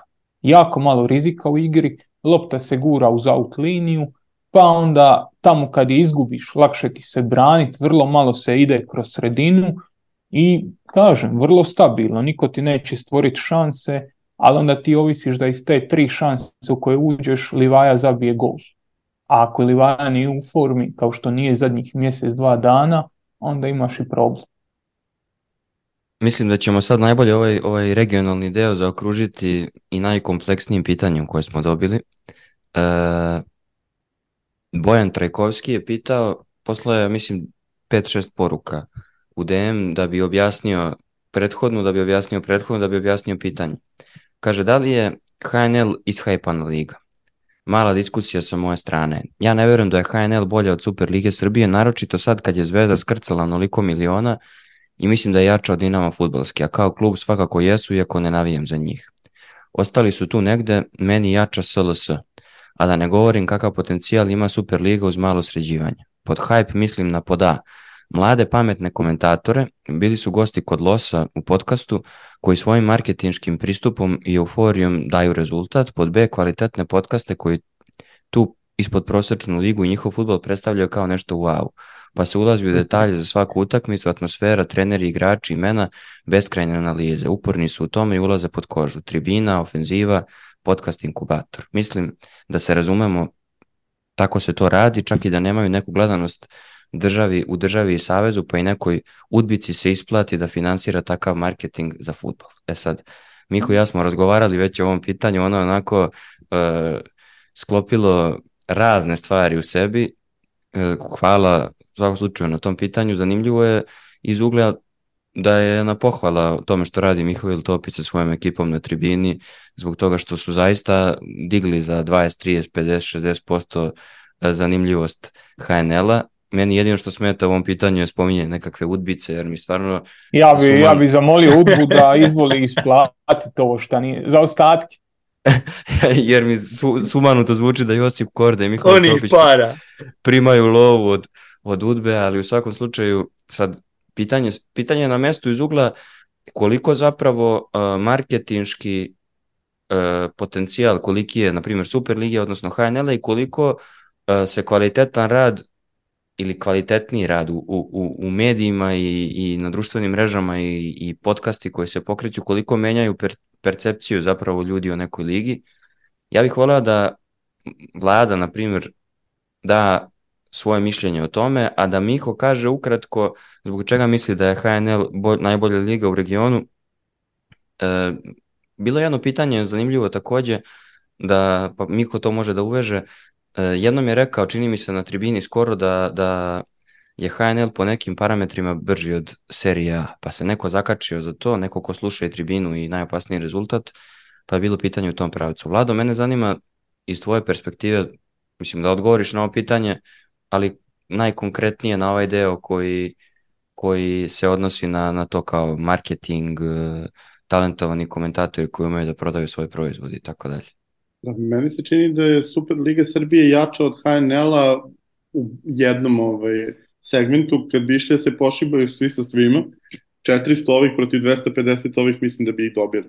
Ove, ovaj, to je otprilike kraj stvari gde možemo da pričamo ne da je kvalitetnije nego da je uopšte konkurentno. Prvo HNL je dobro ustrojena liga koja ima broj timova koji odgovara zemlji koju predstavlja. I to je dokazano N puta, to smo, jer to smo i mi pričali. Da. Imaš gornju polovinu koja se bori za nešto i donju polovinu koja se bori za nešto i skoro uvek se nešto dešava na oba kraja tabela. Dakle, postoji izvini što te prekidam, ali, izvini što te prekidam, ali to da je to dobar potez, do, govorite dovoljno da su čak i u BH dokučili da, da je bolje da imaš malo klubova. Svi su osim Srbije to shvatili. Ove, Srbija sa druge strane dosta ljubomorno drži svojih 16, pa kad može digne i na 20, kakva god situacija da dođe, ajde da gurnemo još timova. I to bukvalno ni na što ne liči, jer ti nemaš dovoljno igrača. Srbija je ekstremni izvoznik futbolskog talenta, pune su lige i Farskih ostrava i Bangladeša i Mađarske i druge mađarske srpskih igrača a Srbija još plus ima ograničenja na to koliko stranaca mo, mo, može da ima u, svoje, u svojim klubovima, ti treba da popuniš 400 seniorskih mesta u prvoj ligi. Otkud ti igrač? Dakle, a, a pritom ima školu futbala koja je, sačuvaj me Bože. Ove, druga stvar, uh, Hrvatska ima startnu prednost. Hrvatska je kao država, uh, kao istorijski gledano razvijana kao država policentrična. Ok, Zagreb jeste ogroman ogromna sila koja, koja vuče i gomila klinaca. Kako se Mihovilu ote osmeh na ovo policentrično.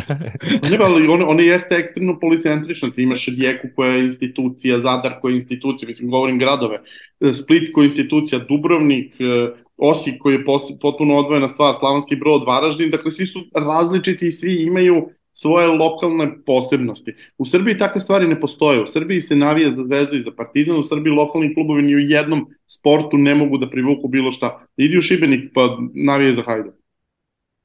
Da vidim kako će da prođe. Videli smo ovaj, to na, na mnogo primjera, ovaj, tu, taj nivo mržnje, a oni su prve komši. Ovaj, pa, u Srbiji su... Mrzi, nećeš mrziti salu u Švedsku, mrziš prvo komšiju jebot. U, u, kako zove, u, u, u Srbiji ceo Novi Sad navija za Zvezdu i Partizan, ceo Niš navija za Zvezdu i Partizan, to nije normalno, bukvalno nije normalno, nije normalno da 99% Beograda sa, sa svim onim klubovima koji postoje, da niko ne pomisli u nekom trenutku, ok, ja ću da preozim svoju lokalnu ekipu, vidi Čuka je 10 godina u top 3. Pa, niko ne navija za Čuku. Odu, odu da igriju mučenici u, u, u Leskovcu, pojavi im se 2000 ljudi na, na, na, na utakmici protiv Genka, ono je sramota na sramotama. I ti si u startu već izgubio, dakle ti nemaš kome da usmeriš taj marketing, jer je sav marketing usmeren ka Zvezdi i Partizanu ili ka antizvezdi i antipartizanu, ostali ne postoje. Kome ćeš ti prodati dres uh, uh TSC-a? Eventualno plavim bećarima iz Topola i nikome više, ni u Subotici, ni u Srbobranu, ni u Bečeju ga nećeš prodati, jer da ne pričamo o Novom Sadu i, i, i Beogradu. I to se tako Ste, u Srbobranu se prodaje BiH, samo jedan dres, brate. U Srbobranu e, samo jedan dres ide. Kata je. S te strane je BiH ovaj, daleko iznad čak i HNL-a iz prostog razloga što je u jugoslovenskim vremenima imala veoma e, jasno ispodeljivane svo, svoje krajeve i gomilu prvoligaških ekipa koje su ostvarivale nekakve rezultate u prvoj ligi kontinuirano, da ne pričamo o tome ko je sve bio prvak i vice šampion, ali čak i, i, i Čelik i, i, i, i Borac su ostvarili baš i Hahaj e, mesto i sloboda u, u, u jugoslovenskoj konkurenciji.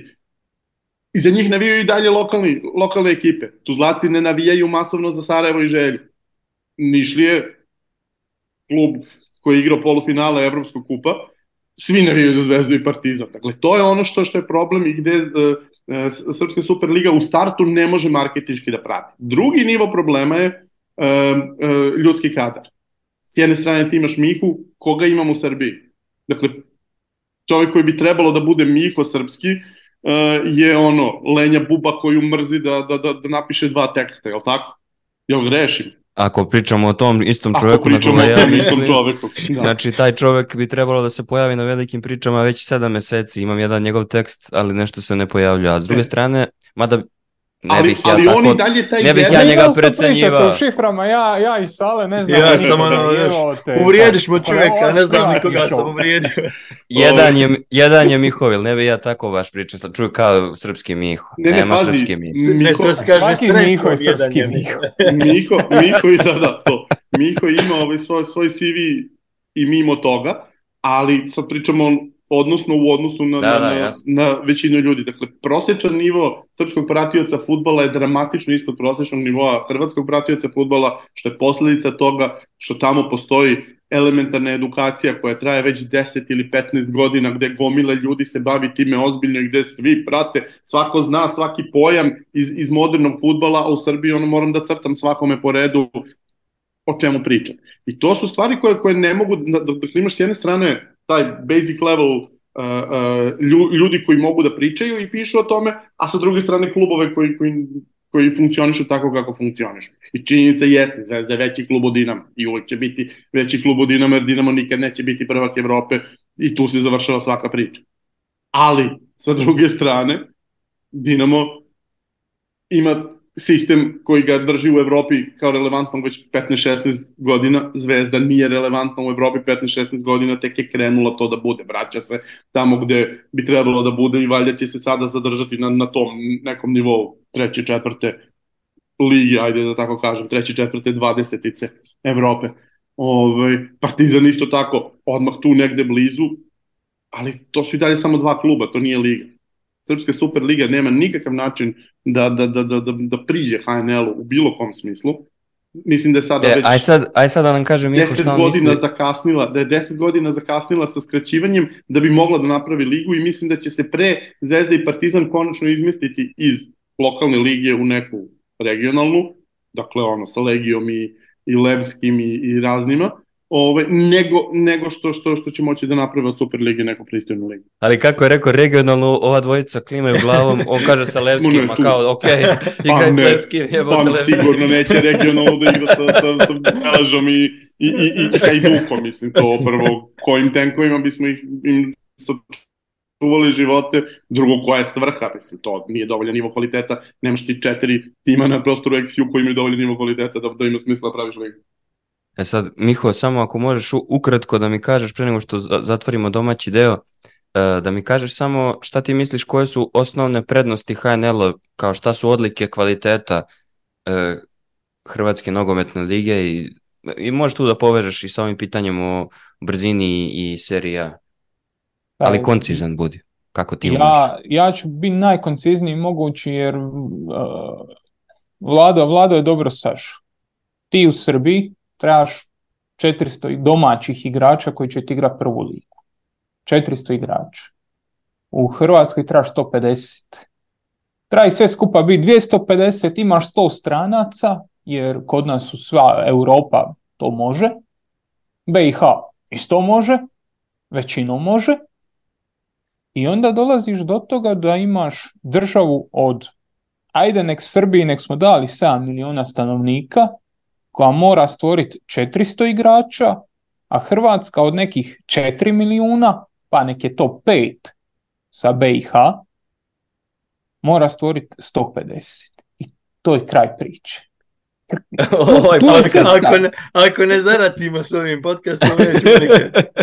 Ova već regionalnu ligu, ova prisvoji milion bosanaca u Hrvatskoj. A, bože mili, je to li je Zoran jako važan faktor. Dakle, dakle, Hrvatska je napravila od sebe privlačnu silu koja je pokrila Bosnu i Hercegovinu, koja je pokrila sada i Crnu Goru, koja je pokrila Albaniju, koja je pokrila Kosovo, koja je pokrila Makedoniju. Srbija igrače od svih tih prostora može da privuče samo iz Republike Srpske i Crne Gore. I to delo. I to oni koji nemaju dobru ponudu To. iz, iz HNL. I to iz Znači- Crne Gore ako nisu glasači DPS, ako Kao su glasači rekoh, DPS-a, Kao baš što rekao, svi. i to delom, dakle to ti je nekih milion i po ljudi, a ovi imaju dodatnih, dakle više imaju sa strane nego što imaju i same Hrvatske.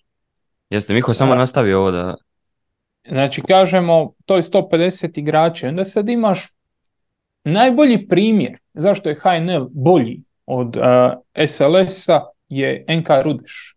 Gdje sad imaš ligu u Hrvatskoj. Ligu od 10, gdje je deseti klub ne dorasta od drugih devet i onda imaš situaciju da deveti, osmi, sedmi i šesti su sigurni da neće ispasti. I o, razmišljaju u ovom pravcu zašto bi ja potrošio 300 tisuća eura na tri dobra igrača kad i onako neću ispasti iz lige. Tako mi je sve jedno jesam li deveti ili sedmi, ne moram se bojati ispadanja. E, u Srbiji imaš takvih deset klubova koji se ne moraju bojati ispadanja, koji gore ne mogu ni, ni taksijem, nema šanse i ne igraju za ništa. Ovo će biti jedna od loših sezona, puno lošija od prošle, puno lošija od pretprošle, itd., itd., jer imaš taj Rudeš koji ne može nositi tempo, koji već sad zaostaje hrpu bodova za slamkom spasa i odmah Slaven Belupo, Istra, e, Gorica, Lokomotiva. Lokomotiva sad u ovoj sezoni može prodati Kačavendu i Stojkovića koji su nositelji igre i može gurat, e, može gurat par mladih igrača jer nema straha od ispada. I to je ono što HNL čini bolje. Pa dobro. Nismo ušli u, u neke e, statističke detalje, parametre i tako dalje. Volio bih da o tome možda napravimo neki tekst, E, ali mislim da je dovoljno dobar odgovor. Hvala još jednom na pitanju. Bez one udbice bi bilo jako dobro i, zanimljivo, jer Ali ta udbica ima potpuno smisla, ne u smislu udbe, nego u smislu toga da treba da marketira svoj proizvod. Britanija, naspram Španije, je valjda najbolji pokazatelj toga u Engleskoj. ja volim postoji- i Poljsku, ja volim i Poljsku ligu da spomenem koja ima isto oko, oko sebe jako dobru infrastrukturu u ovim stvarima koje je reka, imaju dobre emisije, imaju ljude koji se bave time, koji imaju stručnjake koji se bave Po- ligom. Poljska, po, Poljska ima jedan zaista specifičan položaj. Zato što je Poljska s jedne strane na futbolskom nivou vrlo nisko, dakle 25-30, a na, na e, populacijskom nivou je e, malte ne egal sa Španijom. A ako na to dodaš da imaš 10 miliona Poljaka u e, e, relativno nedavnom egzilu, gde svi mogu da prate poljske medije sada, ti dakle obraćaš se grupi od 50 miliona ljudi, što znači Slažem da se. zaista možeš Ali da... se oni obraćaju i kvalitet No, no, e, čast. instrumenta koje oni koriste za to je sjajan. U Superliga nema emisiju uz dužno poštovanje ljudima koji imaju prava na Superligu, ona nema emisiju stručnu nikakvu i nema ni jedan podcast koji se bavi redovno Super ligom, tako da u tom smislu ja sam, čak, ja sam čak i da je ona 10 godina kvalitetnija, ko bi to znao. šta sve fali pobroja u tekstu koji je objavljen i koji je pročitan tipa 30.000 puta minimalno, ovaj, gde su ga čitali u Futbolskom savezu Srbije jer su me zvali naglas i sricali, i niko jer samo ništa. tako umeju. Ne znam. I, I niko ništa, bukvalno, znači niko nije odmakao to ni korak dalje, niti su neki klinci napravili pokušaj tribine, niti su neki klubovi se organizovali u, u pa da postoji Superliga da nije deo Fudbalskog saveza, niti je Fudbalski savez napravio bilo šta, niti su mediji išta rešili da naprave. Da, mislim da smo, Ali da smo tu, dali i tu ti dolazi dobar odgovor, da. I tu ti dolazi i točka u vremenu, znaš. Prije recimo pet godina ti je puno lakše bilo napraviti podcast i napredovat nego danas. Prije 10 ili 15 godina, 2012. si ti mogao otvoriti Facebook stranicu svi mi koji želimo da Uroš nosi naočale non stop, imala bi 30 tisuća lajkova. Tako je, tako je. Aj sad otvori, I koliko dan danas bi imala. imaju? Koliko velike priče sad imaju? Ne znam šta je pitanje, koliko velike priče ima. Sve najviše i Na, najbolje, šta me pitaš? Ne Na uzmi Facebook nož pa u bodi najbolje. Uz dužno poštovanje. Gdje su ti lajkovi, Uroše? E pa da, o, mi smo radili analizu, e, veliki, pro, veliki problem je, veliki problem su ti algoritmi, ovo što Miho priča. Ti O si tome ti ranije govorim, imaš uz- točku uz- u vremenu kad nešto može. Ako neko sad u BiH želi organizirati podcast, za kasnije. Ako neko sad u... e, ti nisi, ti si tamo, no, kaže. Ti si Ovo je njima uleto u upućeno. pucanj. Još da počnem ponovo snimati, dobro bi bilo. Ako neko u Srbiji sad odluči napravi svoju tribinu, zakasnije deset, a pet godina. Pet godina je sigurno zakasnije. Pa da, treba bilo ti kako- nešto inovativno da bi, da, bi, da bi se nametnuo kao nekakav autoritet, pa da, da stvaraš nešto skroz novo. Da ne, ne možeš napraviti tribinu, jer je tribina napravljena i jednostavno Sa ne možeš tim na- iskopirati te stvari. Tako Jer je. je prošlo Mislim, možeš, ali to nema, ne, nema, neće imati taj dohvat koji bi, koji bi želeo i zbog toga je u ostalom kad ljudi pitaju zašto mi ne pričamo više o, o domaćem futbalu, mislim ja, ja uvek kažem ako vam se sluša nešto o, o BH futbalu idite na Offside, ako vam se sluša nešto o hrvatskom Koji slušajte, tri, slušajte tribinu, ne znam šta se sluša u Makedoniji, verovatno ništa, ali hoću kažem u, u, u Srbiji Stefanovski. em bismo kaskali, tako je, em bismo kaskali, tri, jen, dva, jen, dva, jen, dva, tri, jen, Em, dva, jen. em imamo o, o mnogo čemu da pričamo i u nastavku ove priče koja je posvećena stranom futbalu. E, mislim da smo ovaj domaći fino zaokružili. E, jedna, jedna samo stvar koju bih naglasio. E, dobili smo pet ili šest pitanja vezanih za srpsku reprezentaciju. Ne postoji šansa da bi na bilo koje od pitanja moglo da se odgovori u jednoj emisiji. Za sve one koji su postavili pitanja u vezi sa reprezentacijom Srbije, bilo je dosta zanimljivih pitanja o izboru taktike, o izboru igrača, o tome zašto se Lazar Samarđić nije koristio, o tome kakva je uloga Dušana Vlahovića u ovom timu, gomila nekih pitanja, obaveštenje za sve koji su to pitali, odgovore ćete dobiti u okruglom stolu koji ćemo objaviti na velikim pričama, javit ćemo tačno kog, kog datuma, koji dan će to biti objavljeno, da vidimo rezultat utakmice protiv Crne Gore, da ne spominjem dva oka u glavi, da ne bismo opet imali tehničke probleme i da tu će verovatno biti Vlada Novaković, moja malenkost je vjerojatno Marko Predović, tako da ćemo probati da odgovorimo na sva pitanja. Vladu sam upravo obavestio o tome da ima taj zadatak. E, o, to, je kao, to je kao kad mami pred gostima kažeš da si napravio neko sranje, ne možeš ti ništa. Tu su, tu su gosti. Sad se prebacujemo na, na pitanja koja ste postavljali u vezi sa stranim futbolom i prvo ću da pitam e, Sašu Ibrulja, kaže e, direktor fotografije, treba li ukinuti Liga kup u Engleskoj i koja je generalno poenta nacionalnih kupova osim tradicije? Ja znam da si ti ljubitelj svega što je romantično i retro, pa ako bi mogao da mi daš odgovor na ovo pitanje, šta ti misliš o tome? Ukratko ne. Ukratko ne. Ne vidim razlog zašto bismo ukidali kupove, jer to je dio, to što kažem, dio futbalske tradicije. Ok, sad je kalendar natripan i svašta nešto se tu da argumentovati protiv kupova, međutim, ok, Liga kup, mm, nisam siguran da više ima funkciju kakvu je imao kad je kad je organizovan i možda bi Liga Kup više odgovarao državama kakve su Srbija i Bosna i Hercegovina i Hrvatska gdje fali a, nekakvog takmičarskog naboja. I, i nisam siguran da Liga Kup treba Engleskoj, ali kup kao kup, kao takmičenje i dalje mislim da, da je i tekako potrebno a, baš zato da bi dao nekakav dodatni naboj u tome da se boriš za još nešto a, s jedne strane.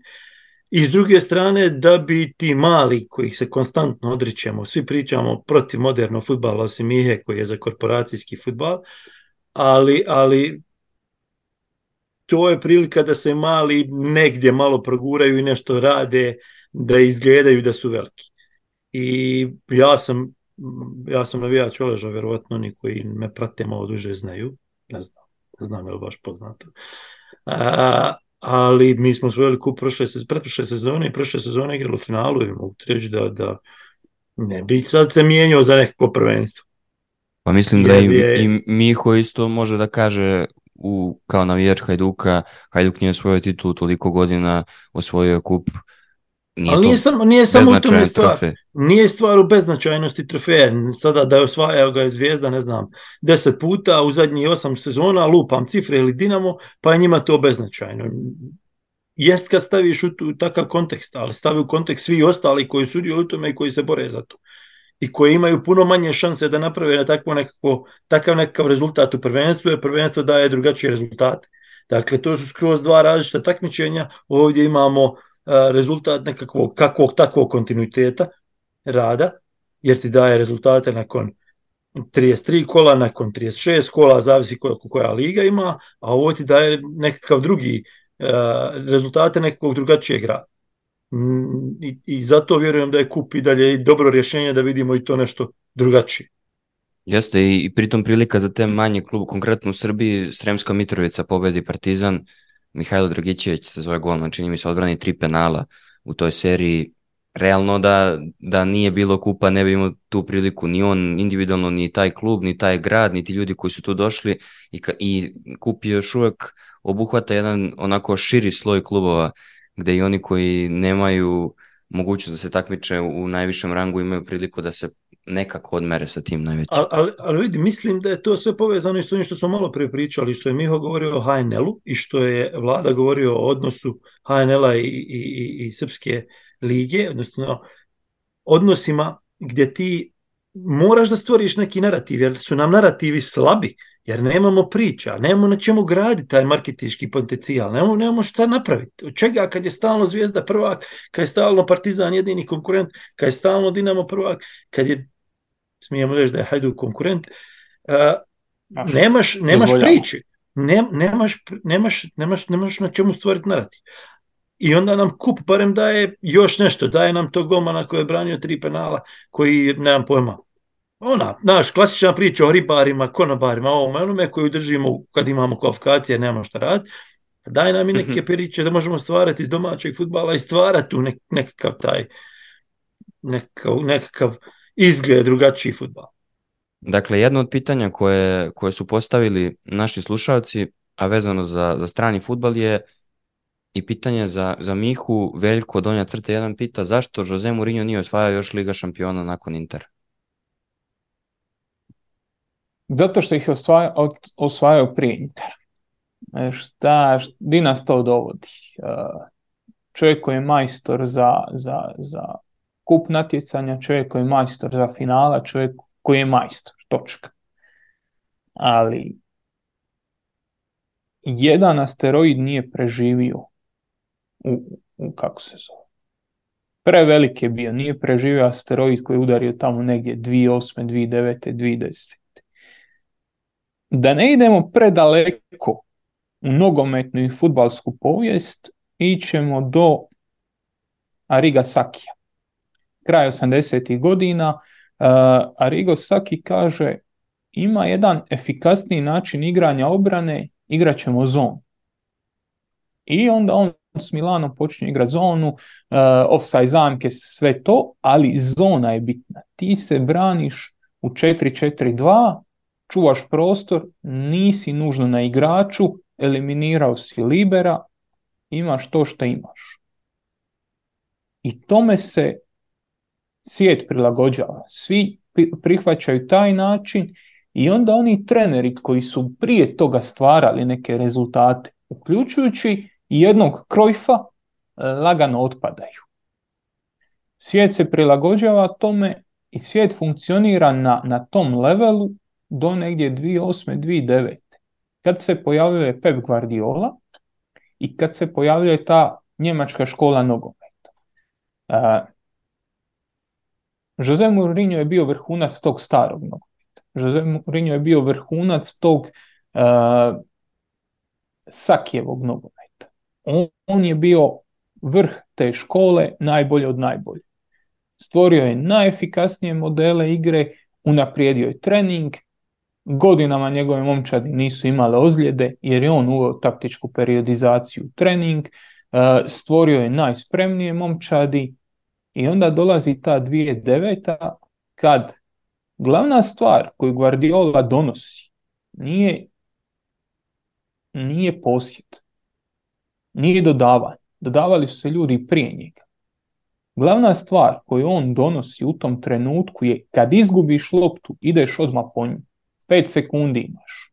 5 sekundi uzmi loptu natrag. Glavna, glavni aspekt njegovog nogometa je pressing. I kaže, paralelno s njim se e, razvija pressing u Njemačkoj, Ragnik, Klopp, e, Tuchel, sve dalje i dalje, nije bitno. Oni koriste pressing ko glavno oružje, Pep Guardiola koristi ko pomoćno i dan danas 15 godina nakon toga svaka momčad u Hrvatskoj, Srpskoj, BiH ligi, a dobro, nije svaka, ali 90% momčadi koriste pressing koji jedno od rješenja u igri. Na ovaj ili na onaj način. Jose Mourinho to nije radio. Jose Mourinho ima, kad je bio u Manchester Unitedu, ima onu svoju famoznu izjavu da on ne svaća o čemu se priča, jer kad se napada, onda svi napadaju, kad se brane, onda se svi vrate natrag i brane. I koliko on god bio genij, on jednostavno nije mogao prihvaćati da se više ne vraćaju svi natrag.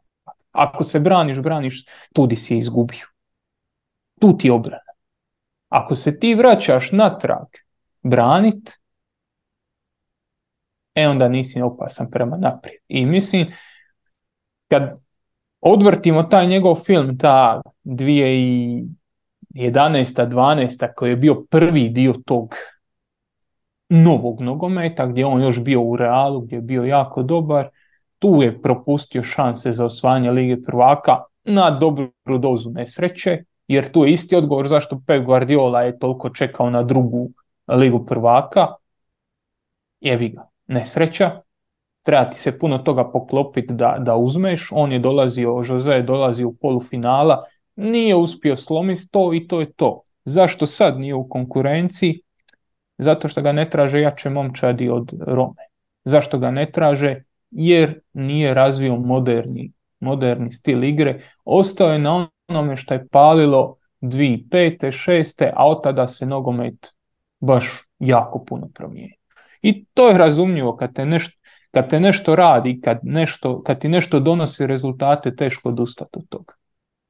Dobro, naravno, pritom prilagođavanje u prethodnoj epizodi čini mi se vlada priča o tome da je i to jedna od bitnih karakteristika kada ocenjujemo koliko je neki trener ono ostavio istorijski pečat za sebe, hajde tako da kažemo, da je i način na koji se prilagođava jedna od, od bitnih stvari. Tako da Mourinho u tom smislu možda nije položio ispit, ali ono što je radio, radio je na, kako si sam rekao, čovjek je majstor. Makar u ovom trenutku, u ovom sastavu, na ovom podcastu mi imamo stopostotnu većinu, kad to kažem. Da, što, da. Što znam da smo sva trojica e, zagornici te misli, valjda u stvari svi koji su gledali šta Mourinho radi. E, Vlado, za tebe ima nekoliko pitanja o stranim klubovima. Jedno od, od pitanja je vezano za e, Royal Union. I sad možemo da otkrijemo da imamo neki plan da u nekom trenutku možda bude i neka ekskluzivna priča na velikim pričama, ne možda, nego da će biti na ekskluzivna priča o tom klubu na velikim pričama, pa da pozovemo ljude da se pretplate i, i da odgovor o tome dobiju na, na velikim pričama. A ono što, o čemu ćeš da pričaš sada, to je pitanje koje je postavio a, Mate Baturina. A, nadam se da se Miho nasmeje jer ga ne vidim dok čitam pitanje. A, Kaže da imate apsolutnu moć i ne morate se voditi finansijskim interesima, već je cilj isključivo kvaliteta i zanimljivost proizvoda. Kako biste reorganizovali najveće nacionalne lige i evropska takmičenja? Ja znam da je vlada ono ekstremni fan o, o, ovog, ovakvih pitanja i da je on već pisao, razvijao sve to, pa da proba to da sažme u jednom odgovoru. Ja mislim da pravac u kome futbol generalno ide to da, da će nacionalne lige postati mnogo manje bitne i da zapravo ono pitanje koje si postavio Saši, a i koje Miho odlično e, dokačio ovom pričom o tome zašto Jose i, Pep nisu uzeli više ovih trofeja, e, na, e, zapravo je kretanje u pravom smeru. Mislim da će nacionalni kupovi imati veću ulogu u nekom vremenu koja je pred nama iz prostog razloga što je neophodno da se nacionalne lige svedu na mnogo manji nivo, da se prestane sa ovim idejama od 20 klubova, jer nema nikakve svrhe ni u jednoj ligi, nema 20 dovoljno dobrih ekipa da izguraju sezonu, da će verovatno ove najveće morati da se svedu na ovaj HNL-ovski 10 do 12 model, a da će mnogo više prostora biti za ovo međunarodno takmičenje, jer u njima tek može da se napravi neka hijerarhija, da mi u, u, dogledno vreme imamo super zanimljive lige sve vreme. Tako da mislim da je to nešto generalno ka čemu se ide sad, da li za 5 ili za 16 godina, ali da je to smer ka kome se ide. Dakle, više utekmica međunarodnih klubskih u smislu verovatno i relativno brzo nekog ligaškog takmičenja koje ide po hijerarhiji, dakle ispadanje, ulaženje, regionalni nivou, zbog toga sam pričao o regionalnoj ligi, jer mislim da čak i Zvezda i Dinamo ne mogu da se plasiraju u prvu i drugu evropsku ligu, a mislim da će od treće već da krene to svako u, u ono, četiri ćoška ili tri ćoška ili kako se dogovore. Ove, ovaj, da će nacionalni kupovi biti ona prilika za, za Burnley i Licove da vide kako izgledaju City, United, Liverpool, Chelsea, mada kako iz, neki od njih igraju, možda ispadnu kod njih dole u, u neku lokalnu. Ove, ovaj, ali, ali da će glavno mesto gde će se novac zarađivati biti ta multinacionalna liga gde ćeš ti moći i gde ćeš najlakše zapravo moći i da um, kanališeš taj dodatni novac koji zarađuju Reali, United i, i, i Parizi, tako da sprovedeš dole niz piramidu. Dakle, otprilike ono što sada Premier Liga ra radi sa svojim nižerazrednim ekipama, ali to zaista nema nikakvog smisla, jer to veštački održava nemoguće projekte imanja 120 profesionalnih klubova i imanja pola šeste lige u profesionalnom statusu u Engleskoj, a potpuno ima smisla na nivou kontinenta gde ima razloga imati bar tri profesionalna kluba u Estoniji i, i, i osam u Mađarskoj i, i deset u Srbiji i Hrvatskoj. Ove, tako da tu mislim da, da, da, da je otprilike dobar pravac kojim bi moglo da se ide i koji mi deluje kao da je i nešto što što ima i smisla i iz ugla najvećih igrača na, na, na, na toj priči, a to je to su pre svega klubovi, ali i neko ko, ko bi bio ili jedan od ove dvojice, a verovatno Đani, s obzirom da ove drugi teško da može išto da sprovede slično, a ove, ili neko ko će njemu biti konkurent, gde bi se potpuno umanjila, što bih ja najviše volao ovaj, mogućnost FIFA da, da, da kontroliše svetski fotbal. E sad ono što je, ono što ti si dobro spojio, ti si spomenuo nešto što bi bilo realno održivo, a što bi bilo i zabavno. Jer mislim da možemo da se složimo sva trojica da bi bilo realno zabavnije gledati Dinamo ili Hajduk protiv nekog tima iz, iz regiona koji je njihovog ranga i njihovog kvaliteta nego u utakmicama protiv spomenute Istre o kojoj smo danas dosta pričali isto je to i za, za druge klubove i ne samo u ovim slabijim ligama, nego i u najjačim ligama. Mnogo ja, ja, ja ne mislim da bi Slavija i Legija i Ferenc Varoš sada bili nešto što svake godine da ih gledaš po dva puta ti privlače 50.000 ljudi i svi su super zadovoljni. Ali nek ti privuku 25-30 hiljada i to će već biti super naspram onoga što trenutno radnik iz Surdulice ne može da, da privuče ni, ni, ni 100 ljudi koji nisu zaposleni na stadionu.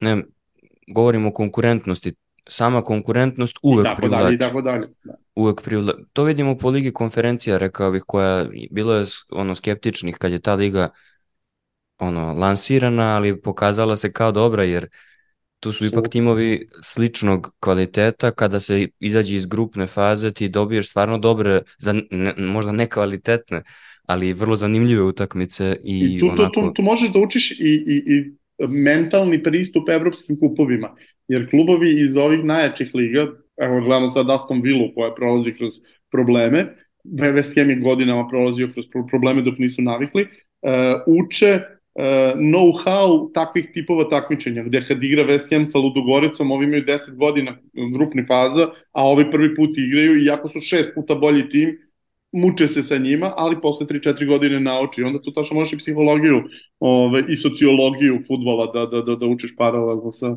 sa, sa samim futbolskim znanjem. Ovo je dobro, e, kao uvod u sledeće pitanje koje postavio Veljko Ranđelović, kaže njegovo pitanje je kako smanjiti jaz između malih klubova i oni gore, tako da klubovi koji dolaze iz druge lige ne budu do te mere inferiorni, da li bi rešenje bilo u nekom vidu ograničenja budžeta, to je sad možda drugi, ista priča, samo neki drugi, drugi pol. Uh, I mislim da tu nije mislio samo na premier ligu, iako, kako sam razumeo, pitanje bilo u tom kontekstu, ali imamo taj problem sa, sa jojo klubovima u svim ligama manje više svuda, kada neko uđe iz, iz druge lige, muči se prilično da, da postane konkurentan, tako da me zanima da li mislite da je ograničenje, da se fokusiramo na taj deo, da li mislite da je ograničenje budžeta na neki način rešenje u tom pravcu. Premier Liga ti je tu najpogrešnija za gledanje, jer je tu donja granica budžeta preko 100 miliona da, funti, da, da, da. dobiju 100 miliona u kešu odmah, tako da, da čak i ovi koji najmanje ulažu dobace dotle za sezonu. Ali uzmi Španiju, uzmi Italiju, gde ti imaš klubove koji igraju sa 5, 6, 10 miliona evra godišnje. I znači sad svedeš uh, Juventus i Inter ili Real i Barcelonu na to da igraju na nivou nekog Alavesa i, i, i Hetafea i takvih klubova koji čak i ostaju dugo u ligama sa, sa vrlo malim budžetima. Tako da to, čak, čak i, i na tom nivou delo je smešno, osim što toliko liči na, na, na, na, na sisteme koji su neprimenjivi ovde. Futbol ima taj prirodni problem zato što je evropska stvar, nije američka stvar. U Americi lako sprovedeš uh, ustrojstvo zato što imaš centralizovano sve u Evropi, ti napraviš sve super i onda Englezi usvoji jedan sistem. Evo, se, sećaš se kako je prošlo kad su Englezi rešili samo inicijativno da skrate sebi prelazni rok do, do, do 10. avgusta i onda svi ostali ono, ucenjuju iz, između 8. i 10. za ogromne pare i onda sačekaju da Englezi odu i kupe za trećinu cene do, do kraja prelaznog roka šta god žele i pokupuju gomilu igrača njihovih. Dakle, bukvalno spucali su sebi u nogu i to je, mislim, fantastičan primer e, e, kako u, u praksi videti koliko e, teško funkcioniše nešto gde nemaš tu jasnu hijerarhiju, gde e, deset različitih entiteta može da donosi deset različitih odluka. Da ne pričam to što odmah ti se pojavi Saudijska Arabija koja igra po potpuno drugim pravilima koje može sad, evo sutra da ti kupi nekog igrača, mogu da kažu, e, za nas je prelazni rok i u novembru. Ove, I da, da, da ti u sred sezone odvede desetoricu. E sad kad da, si spomenuo... Da, sve te stvari su, ono, baš su neodržive.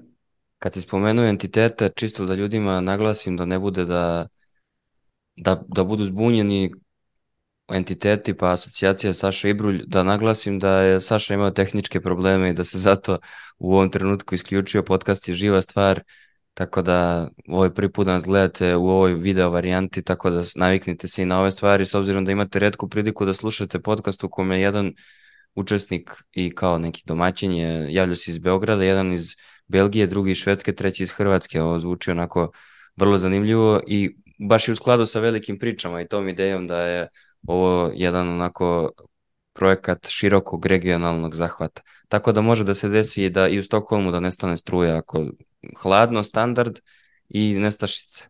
E, kaži mi, e, Miho, da li si spreman da odgovoriš na pitanje koliko je zapravo dobar Ward Prowse i kako je promenio igru West Ham? Pitanje je postavio uh, Ognjen T. Pa jako je dobar. I ja mislim da je jako dobar upravo za momčadi poput West Hama, Aston Ville, pa čak i Newcastle. On u 7 utakmica u Premier Ligi ima dva gola i tri asistencije.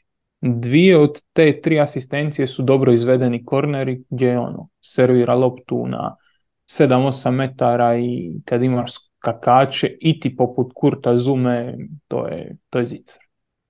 Tu obrana nema šta.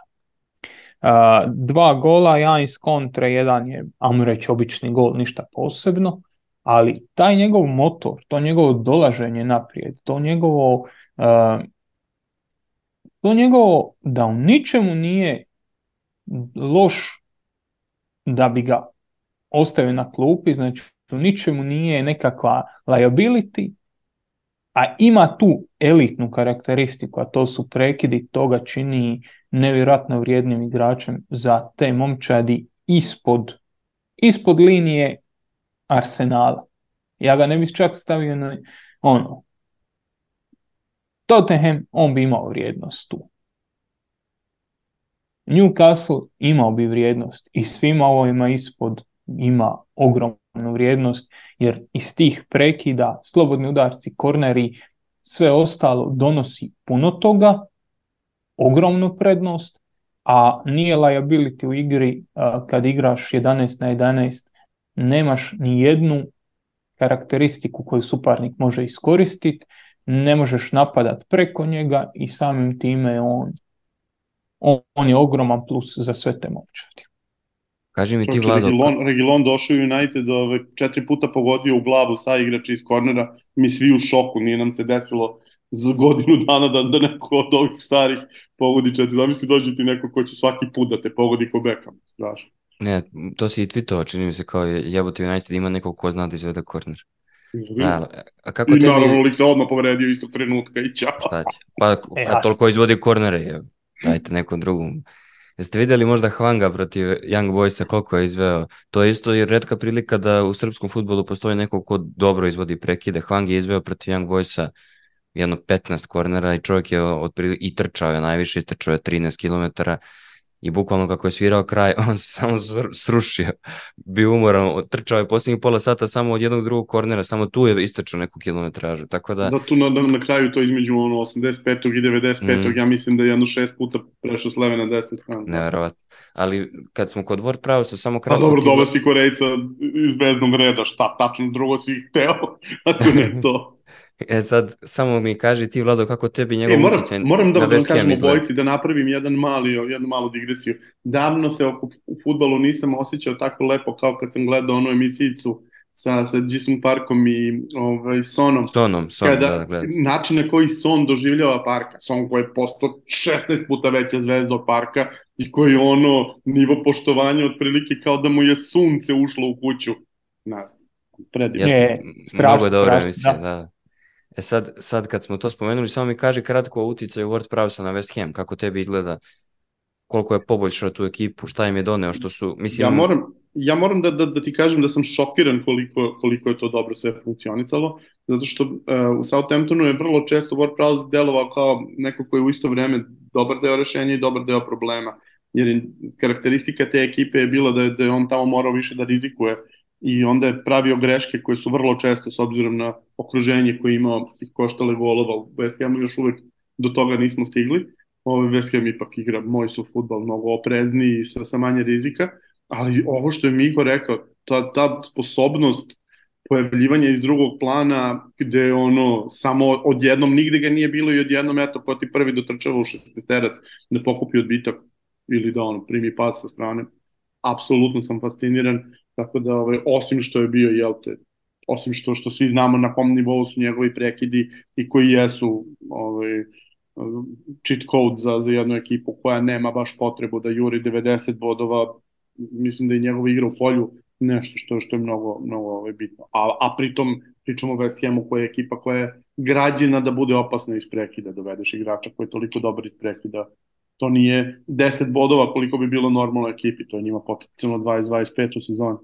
Ja se sećam onog West Hama Bilićevog i sa njim kad sam razgovarao, on je to zanimljivo opisao kao ono osam batina visokih, snažnih igrača vi ste, koji ima vi ste tu. mladi, vi se ne I, ima pa, ima je pa je, zamisli da je, ja mislim da je ovaj još jedna klasa iznad kad su prekidi u pitanju, zamislite te prekide, vi, kako je vi to. Vi se ne sećate Wimbledona iz 90-ih, ali Wimbledon je bio ono nešto najneverovatnije, što su igrali onim ekstremno tamno tege dresovima, imali su bar šest karibskih ili afričkih igrača, uh, apsolutno ništa ne vidiš, samo vidiš da se nešto tamno zaleće njih šest, sedam komada na svaki prekid.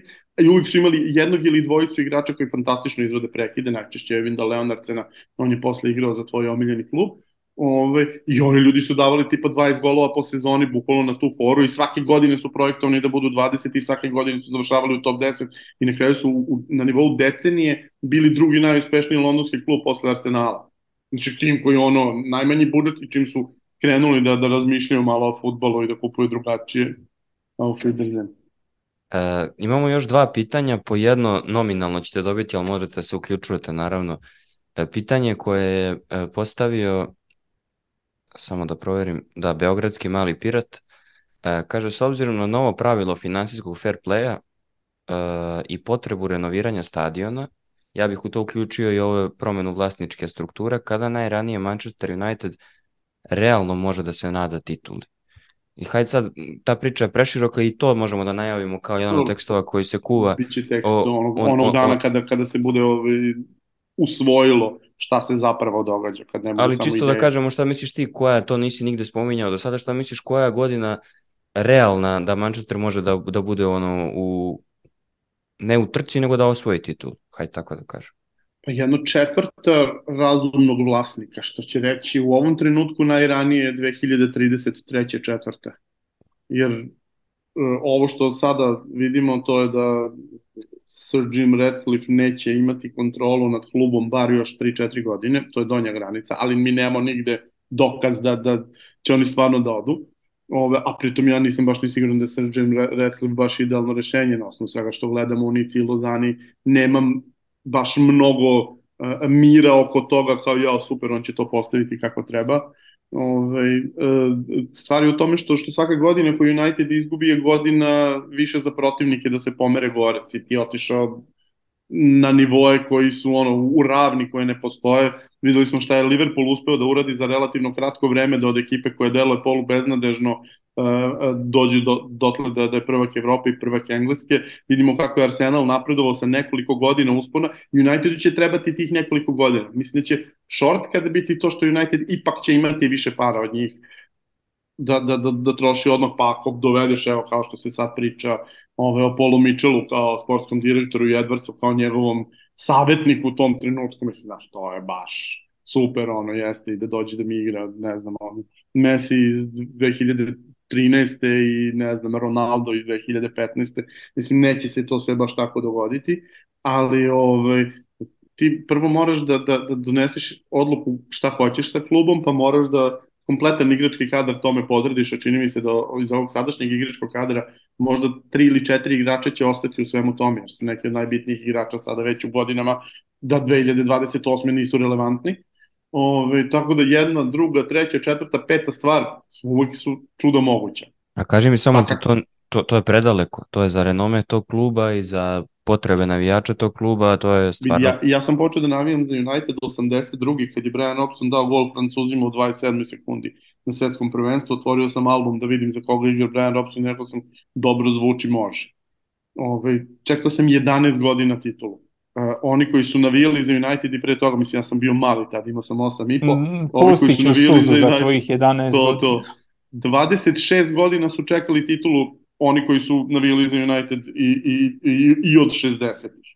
Tako da čak ne bi bio ni, ni, ni presedan. Drugo, Liverpool koji je osvojio 11 titula u 18 godina je čekao 30 na sledeću, što bi United bio povlašćen. Ja od Činjenica toga da- nekih da, 17. činjenice, pa isto. Znači činjenica je da, da, da je klub toliko loše konceptualno vođen da sada kada sve ove stvari pogledaš, mislim, seti se kad je Liverpool građen, uh, uh, starosnu strukturu ekipe gde su svi pravljeni tako da u istom trenutku uđu u, u, u, u pik, da, da, da svi deluju kao jedna ekipa, gde United ono pet od, od sedam najvažnijih igrača je prošao pik već. Znači sve mora od nule. I, i Da. samo je bitno da, da, da u tom trenutku kada krene sve od nule bude neko ko ima ideju šta hoće da, da, da postigne, kakav tip tima hoće, kakav tip trenera hoće za, za, za tu ekipu i da razmišlja korak dva unapred ko će biti sledeći trener ako ovaj negde se zabode. Šta ti misliš, da vidimo. koja godina, jel se slažeš s Ladom ili misliš da će bude ranije? Ja nešto mislim da će da bude ranije jer ipak je to preveliki klub i mm, mo, ako stvarno dovuku za kratko vreme nekoliko imena u svim strukturama, mislim da će to brže moći da rezultat, pogotovo što će ovi ostali imati svoje turbulencije, pa ako se tu poklope stvari može da bude i pre. Baš to, ja se ne slažem sa vladom samo u, u jednom aspektu, a to je da svaka godina neuspješnosti ti znači da suparnik ide dalje. Ne ide. City ne može više. Ovo je vrhunac. Da, naravno tako kad smo pričali da je City u- ušao u svoj novi proces, Tako. ono, Znači, može otići može otići Liverpool korak natrag. naprijed. Može Arsenal otići dva koraka, ali tvoj target je uvijek isti, 90 bodova i ti si dobar.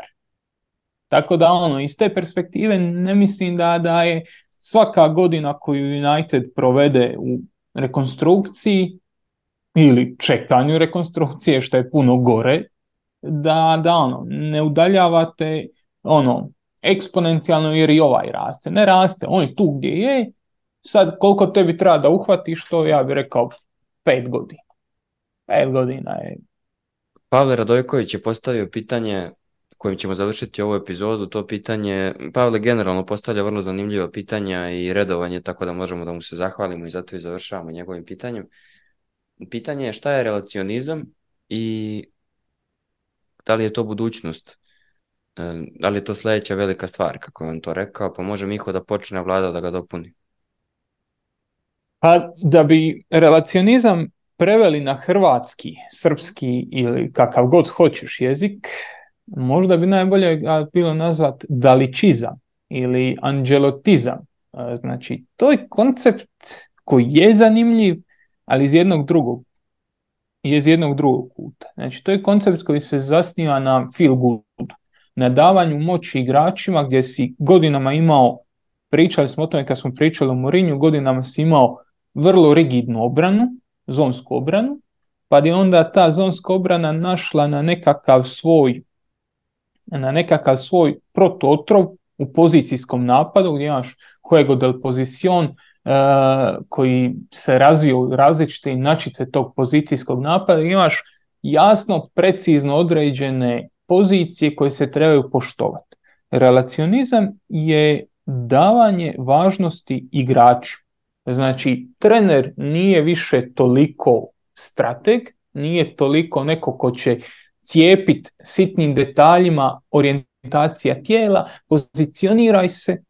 To je nešto gdje daješ moć natrag igračima, gdje im daješ dodatnu slobodu, gdje održavaš dobre odnose s njima i razvijaš povjerenje da oni mogu raditi to šta rade. Znači, dat neku vrstu svog talenta na dijel. većina toga dolazi iz Južne Amerike i tu onda imaš jedan veliki uskličnik u svemu tomu. Ja stvarno mislim da nešto slično je budućnost nogometa, ali ne u toj mjeri. Jer ako gledaš Argentinsku ligu, ako gledaš Brazilsku ligu, ako gledaš sve te južnoamerička natjecanja, Copa Libertadores, Copa Amerika, ti imaš situaciju da sedam igrača igra bunker, udara po nogama, gazi se, pljuje, štipa, a onda imaš gore trojicu koja imaju slobodu. Nije da je free flowing game, nije da je ni kod njih to razvijeno do te mjere da ono, da imaš nešto slično totalnom nogometu. A, ono šta čitav taj relacionizam, šta tome daje nekakvu, šta ja vidim ko, ko budućnost i šta se već počelo razvijati, to je dosta slično onome što je Klopp radio, što rade i drugi treneri, pa na kraju krajeva je sad i Guardiola. Ti više ne razvijaš rigidan sustav gdje kažeš ti u toj toj situaciji stojiš tu, pa onda stojiš tamo, pa onda radiš ovo, pa radiš ono. Ti igračima razvijaš nešto što se zovu triggeri, okidači, ili što u engleskoj kažu readings. Razvijaš i čitanja prostora. Ako je lopta tamo, mi radimo to.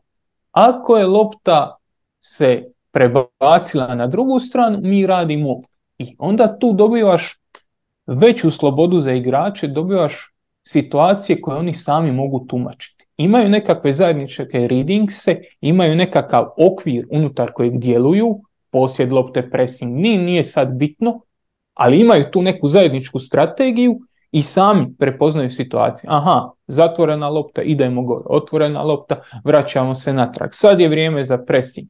Sad, ako ja uđem u sredinu, mogu računati da će moj suigrač otići na stranu i da mu ja mogu tamo prebaciti loptu. Znači, ja mislim da to je nekakav put prema naprijed, ali da će to ko nekakva disciplina u Europi puno teže zaživiti nego u Južnoj Americi, jer Teško je zamisliti nekog Njemca koji, koji ono, vjeruje u slobodu svima, svih oko Bilo sebe. čega. ili bilo čega. A, Španjolska je to. Španjolska je na neki način to. Free flowing game, ali opet postoje neke ograničenja, postoje nekakvi elementi gdje je to gdje taj osnova opet ima, ima neku svoju a, ogradu. I, I zato kad to vrtiš unatrag, možda taj španjolski nekakav stil je najbliže tomu. Posjed, ti imaš situaciju da možeš čitati igru, da možeš nadograđivati situaciju koju si prepoznao nekim svojim individualnim rješenjem. I zašto mislim da je to bitno? Jer jedna stvar je, što bi vi rekli, neprevaziđena. Ako imaš igrača koji može proći jedan na jedan, to nijedan sistem neće braniti. Ako imaš igrača koji je moćan u driblingu, koji zna stvoriti višak s loptom u nogama, želiš mu dati slobodu. I to je, to je budućnost nogometa, vrijeme na lopti se skratilo, vrijeme a, u koje imaš za donošenje odluke se skratilo, a, nogomet je postao bolji, agresivniji, moćniji, ali isto tako je postao i siroviji. I onda kad imaš nekoga ko tu može oplemeniti, onako kako je to radio Prosinečki 90. kako to radi danas, ne znam, De Bruyne, e takvom igraču trebaš da na važnosti i trebaš mu dati slobodu. I zato ta priča, mislim da drži vodu i da dugoročno ćemo mi o tome slušati. Relativno je nov pojam u europskom nogometu, moramo ga prevesti u neke termine koji su poznati, recimo Ancelotti manje više ide u tom pravcu osnaživanje igrača, davanje na važnosti igrača, a, a onda uh, onda će to preuzimati drugi. Sad, može li to preuzeti momčad koja je sedma u HNL-u ili 14. u Superligi, to ćemo vidjeti, ali Real, Barca i ostali mogu. E sad, ako, ako smo pričali o tome da se Mourinho nije prilagodio na jednu veliku promjenu koja se dešavala, Vlado, šta misliš ti? Da, da kažem... će sačekati krug pa da mu dođe ta promjena nazad? da, da. Ne kažem, ne kažem da, da će ova, taj relacionizam biti toliko značajna promjena kao što je bila ova, neće verovatno, ali da li misliš da bi neko od ovih sada najcenjenijih trenera na svetu uh, ono kaskao kao što je on kaskao prilikom svoje promjene, da li, bi, da li ima neko ko se ne bi dobro prilagodio tom? Pa vidi, mislim, nije Mourinho kaskao, Mourinho je samo dugo odbijao da, da. da se prilagodi, pa je onda došao dotle dokle je došao. Tako da ako neko bude insistirao na bilo čemu što će vreme pokazati da, da, je, da je provaljeno, ovaj, svakako mu ne, neće dobro prolaziti, ali ono što je jako bitno videti to je da je prva osoba koja je potpuno se okrenula iz uh, Huego de poziciona u jurenje uh, igrača sa fantastičnim driblingom, čovek koji je bio uh, koji nam je doneo Huego de pozicion na, na, na globalni nivo, dakle ne trenerima i entuzijastima, nego svakom liku iz Surdulice i ovaj, Pakoštana i ne znam, ovaj, šta u Bosni. Baš me zanimalo što će biti counterpart uh, Surdulice i Pakoštane da, su da. odličan primjer. Ove, uh, stvar je u tome što, kako se zove, futbol je jedno 15-20 godina unazad počeo da shvata da postoji drugi sportovi iz kojih mogu da se preuzimaju stvari. I počeo je jedno po jednu stvar da preuzima i uh, ono što je najlakše bilo preuzimati su, su prekidi, jel te, zato što ima nekoliko sportova iz kojih može to da radi i automatski je kvalitet igre u prekidima dramatično porasta. Stvar sa, sa ridovima je nešto što je standardna stvar u američkom futbolu. Međutim, u američkom futbolu readingom se bavi glavni igrač odbrane i glavni igrač napada, to je quarterback. Ove, ostali rade svoj posao i to je balans koji se negde mora pronaći i koji verujem da će se pronaći u relativno skorije vreme. Upravo ovo što je rekao Mihod, možeš ti da daš slobodu Kevinu, ne možeš da daš slobodu, ne znam, Nathanu Akeu. On mora da zna šta radi, a ovaj... Mislim, može... možeš ti njemu da daš slobodu, možeš, šta će iz toga da, da ispadne? Ovaj, i, I to je otprilike jedini logični sledeći, sledeći korak, a to je da imaš tih nekoliko posebnih igrača koji mogu da rade takve stvari, dok će ostali i dalje morati ipak da imaju neku, ovaj, neki spisak procedura i, i, i linije kretanja i to. Meni se jako dopada, moram da ja generalno mislim da je NFL sport koji je u odnosu na evropski futbol šest era unapred ovaj, i, i, i do duše, mislim, on ima i prirodne prednosti zbog toga što je stop and go sport, tako da možeš uvek da staneš i da, da smisliš sledeću akciju, ali generalno uh, uh, mi se jako dopada to kada, kada futbol pokušava u sebe da privuče ovaj, mudrost i, i, iz ostalih disciplina i nadam se da, da, da, da će to da, E, da nastavi da radi. Ali što se ove konkretne teme tiče, jako bih volao da pročitam, Miho, nemoj da slušaš, jako bih volao da, da ako bi mogao da utičeš na Mihu, da ovaj, napiše tekst o tome. Da, mislim da, mislim da mogu da utičem na Mihu. Nisam siguran, ali potrudit ću se. E, hvala vam što ste izdvojili ovoliko vremena i ako je neko stvarno stigao do ovde, ja verujem da ima ljudi koji stignu, to nam pokazuje statistika, hvala i njima što su bili uz nas u ovoj dužoj epizodi nego što smo očekivali, ali u svašta su mogli tu da čuju i o domaćem futbolu i o nekim pitanjima vezanim za strani futbol koja su bila jako zanimljiva i da u Švedskoj nestaje struja i da i da u Omišu i Obrenovcu objašnjavaju relacionizam i tako dalje, tako da e, ovaj podcast je svašta stvarno ponudio i mogu da obećam publici da će sledeću Q&A epizodu dobiti za novu godinu kao novogodišnji specijal. Do tad ćemo se baviti konkretnim konkretnim temama. E, Miho se smeje. Kaže, ja smija može... sam sad, sam sad evo te koliko je to blizu, pa to je za mjesec dana. Jest, jest, to je, to je za, za, za nekih 70 dana, tako da, a verujem da će se s obzirom na, na hiperprodukciju događaja futbolskih da će se skupiti dovoljno pitanja do tad. Vi čitajte velike priče jer će gomila pitanja koja ste postavili tamo biti, dobit ćete odgovor tamo. Uh, slušajte najopasniji rezultat, slušajte i tribinu i offside naravno i ostanite uz nas, bit ćemo redovni utorkom kao i do sada, a očekuje vas i jedan košarkaški specijal u narednih desetak, 15 dana u nekom drugom terminu standard. Hvala još jednom vama dvojici i Saši u odsustvu što ste bili danas sa mnom i hvala svima koji su nas slušali. Pa se onda gledamo sledećeg, odnosno slušamo sledećeg utorka, ni video epizode neće biti mnogo češće od Q&A epizoda. Pozdrav. Pozdrav, pozdrav.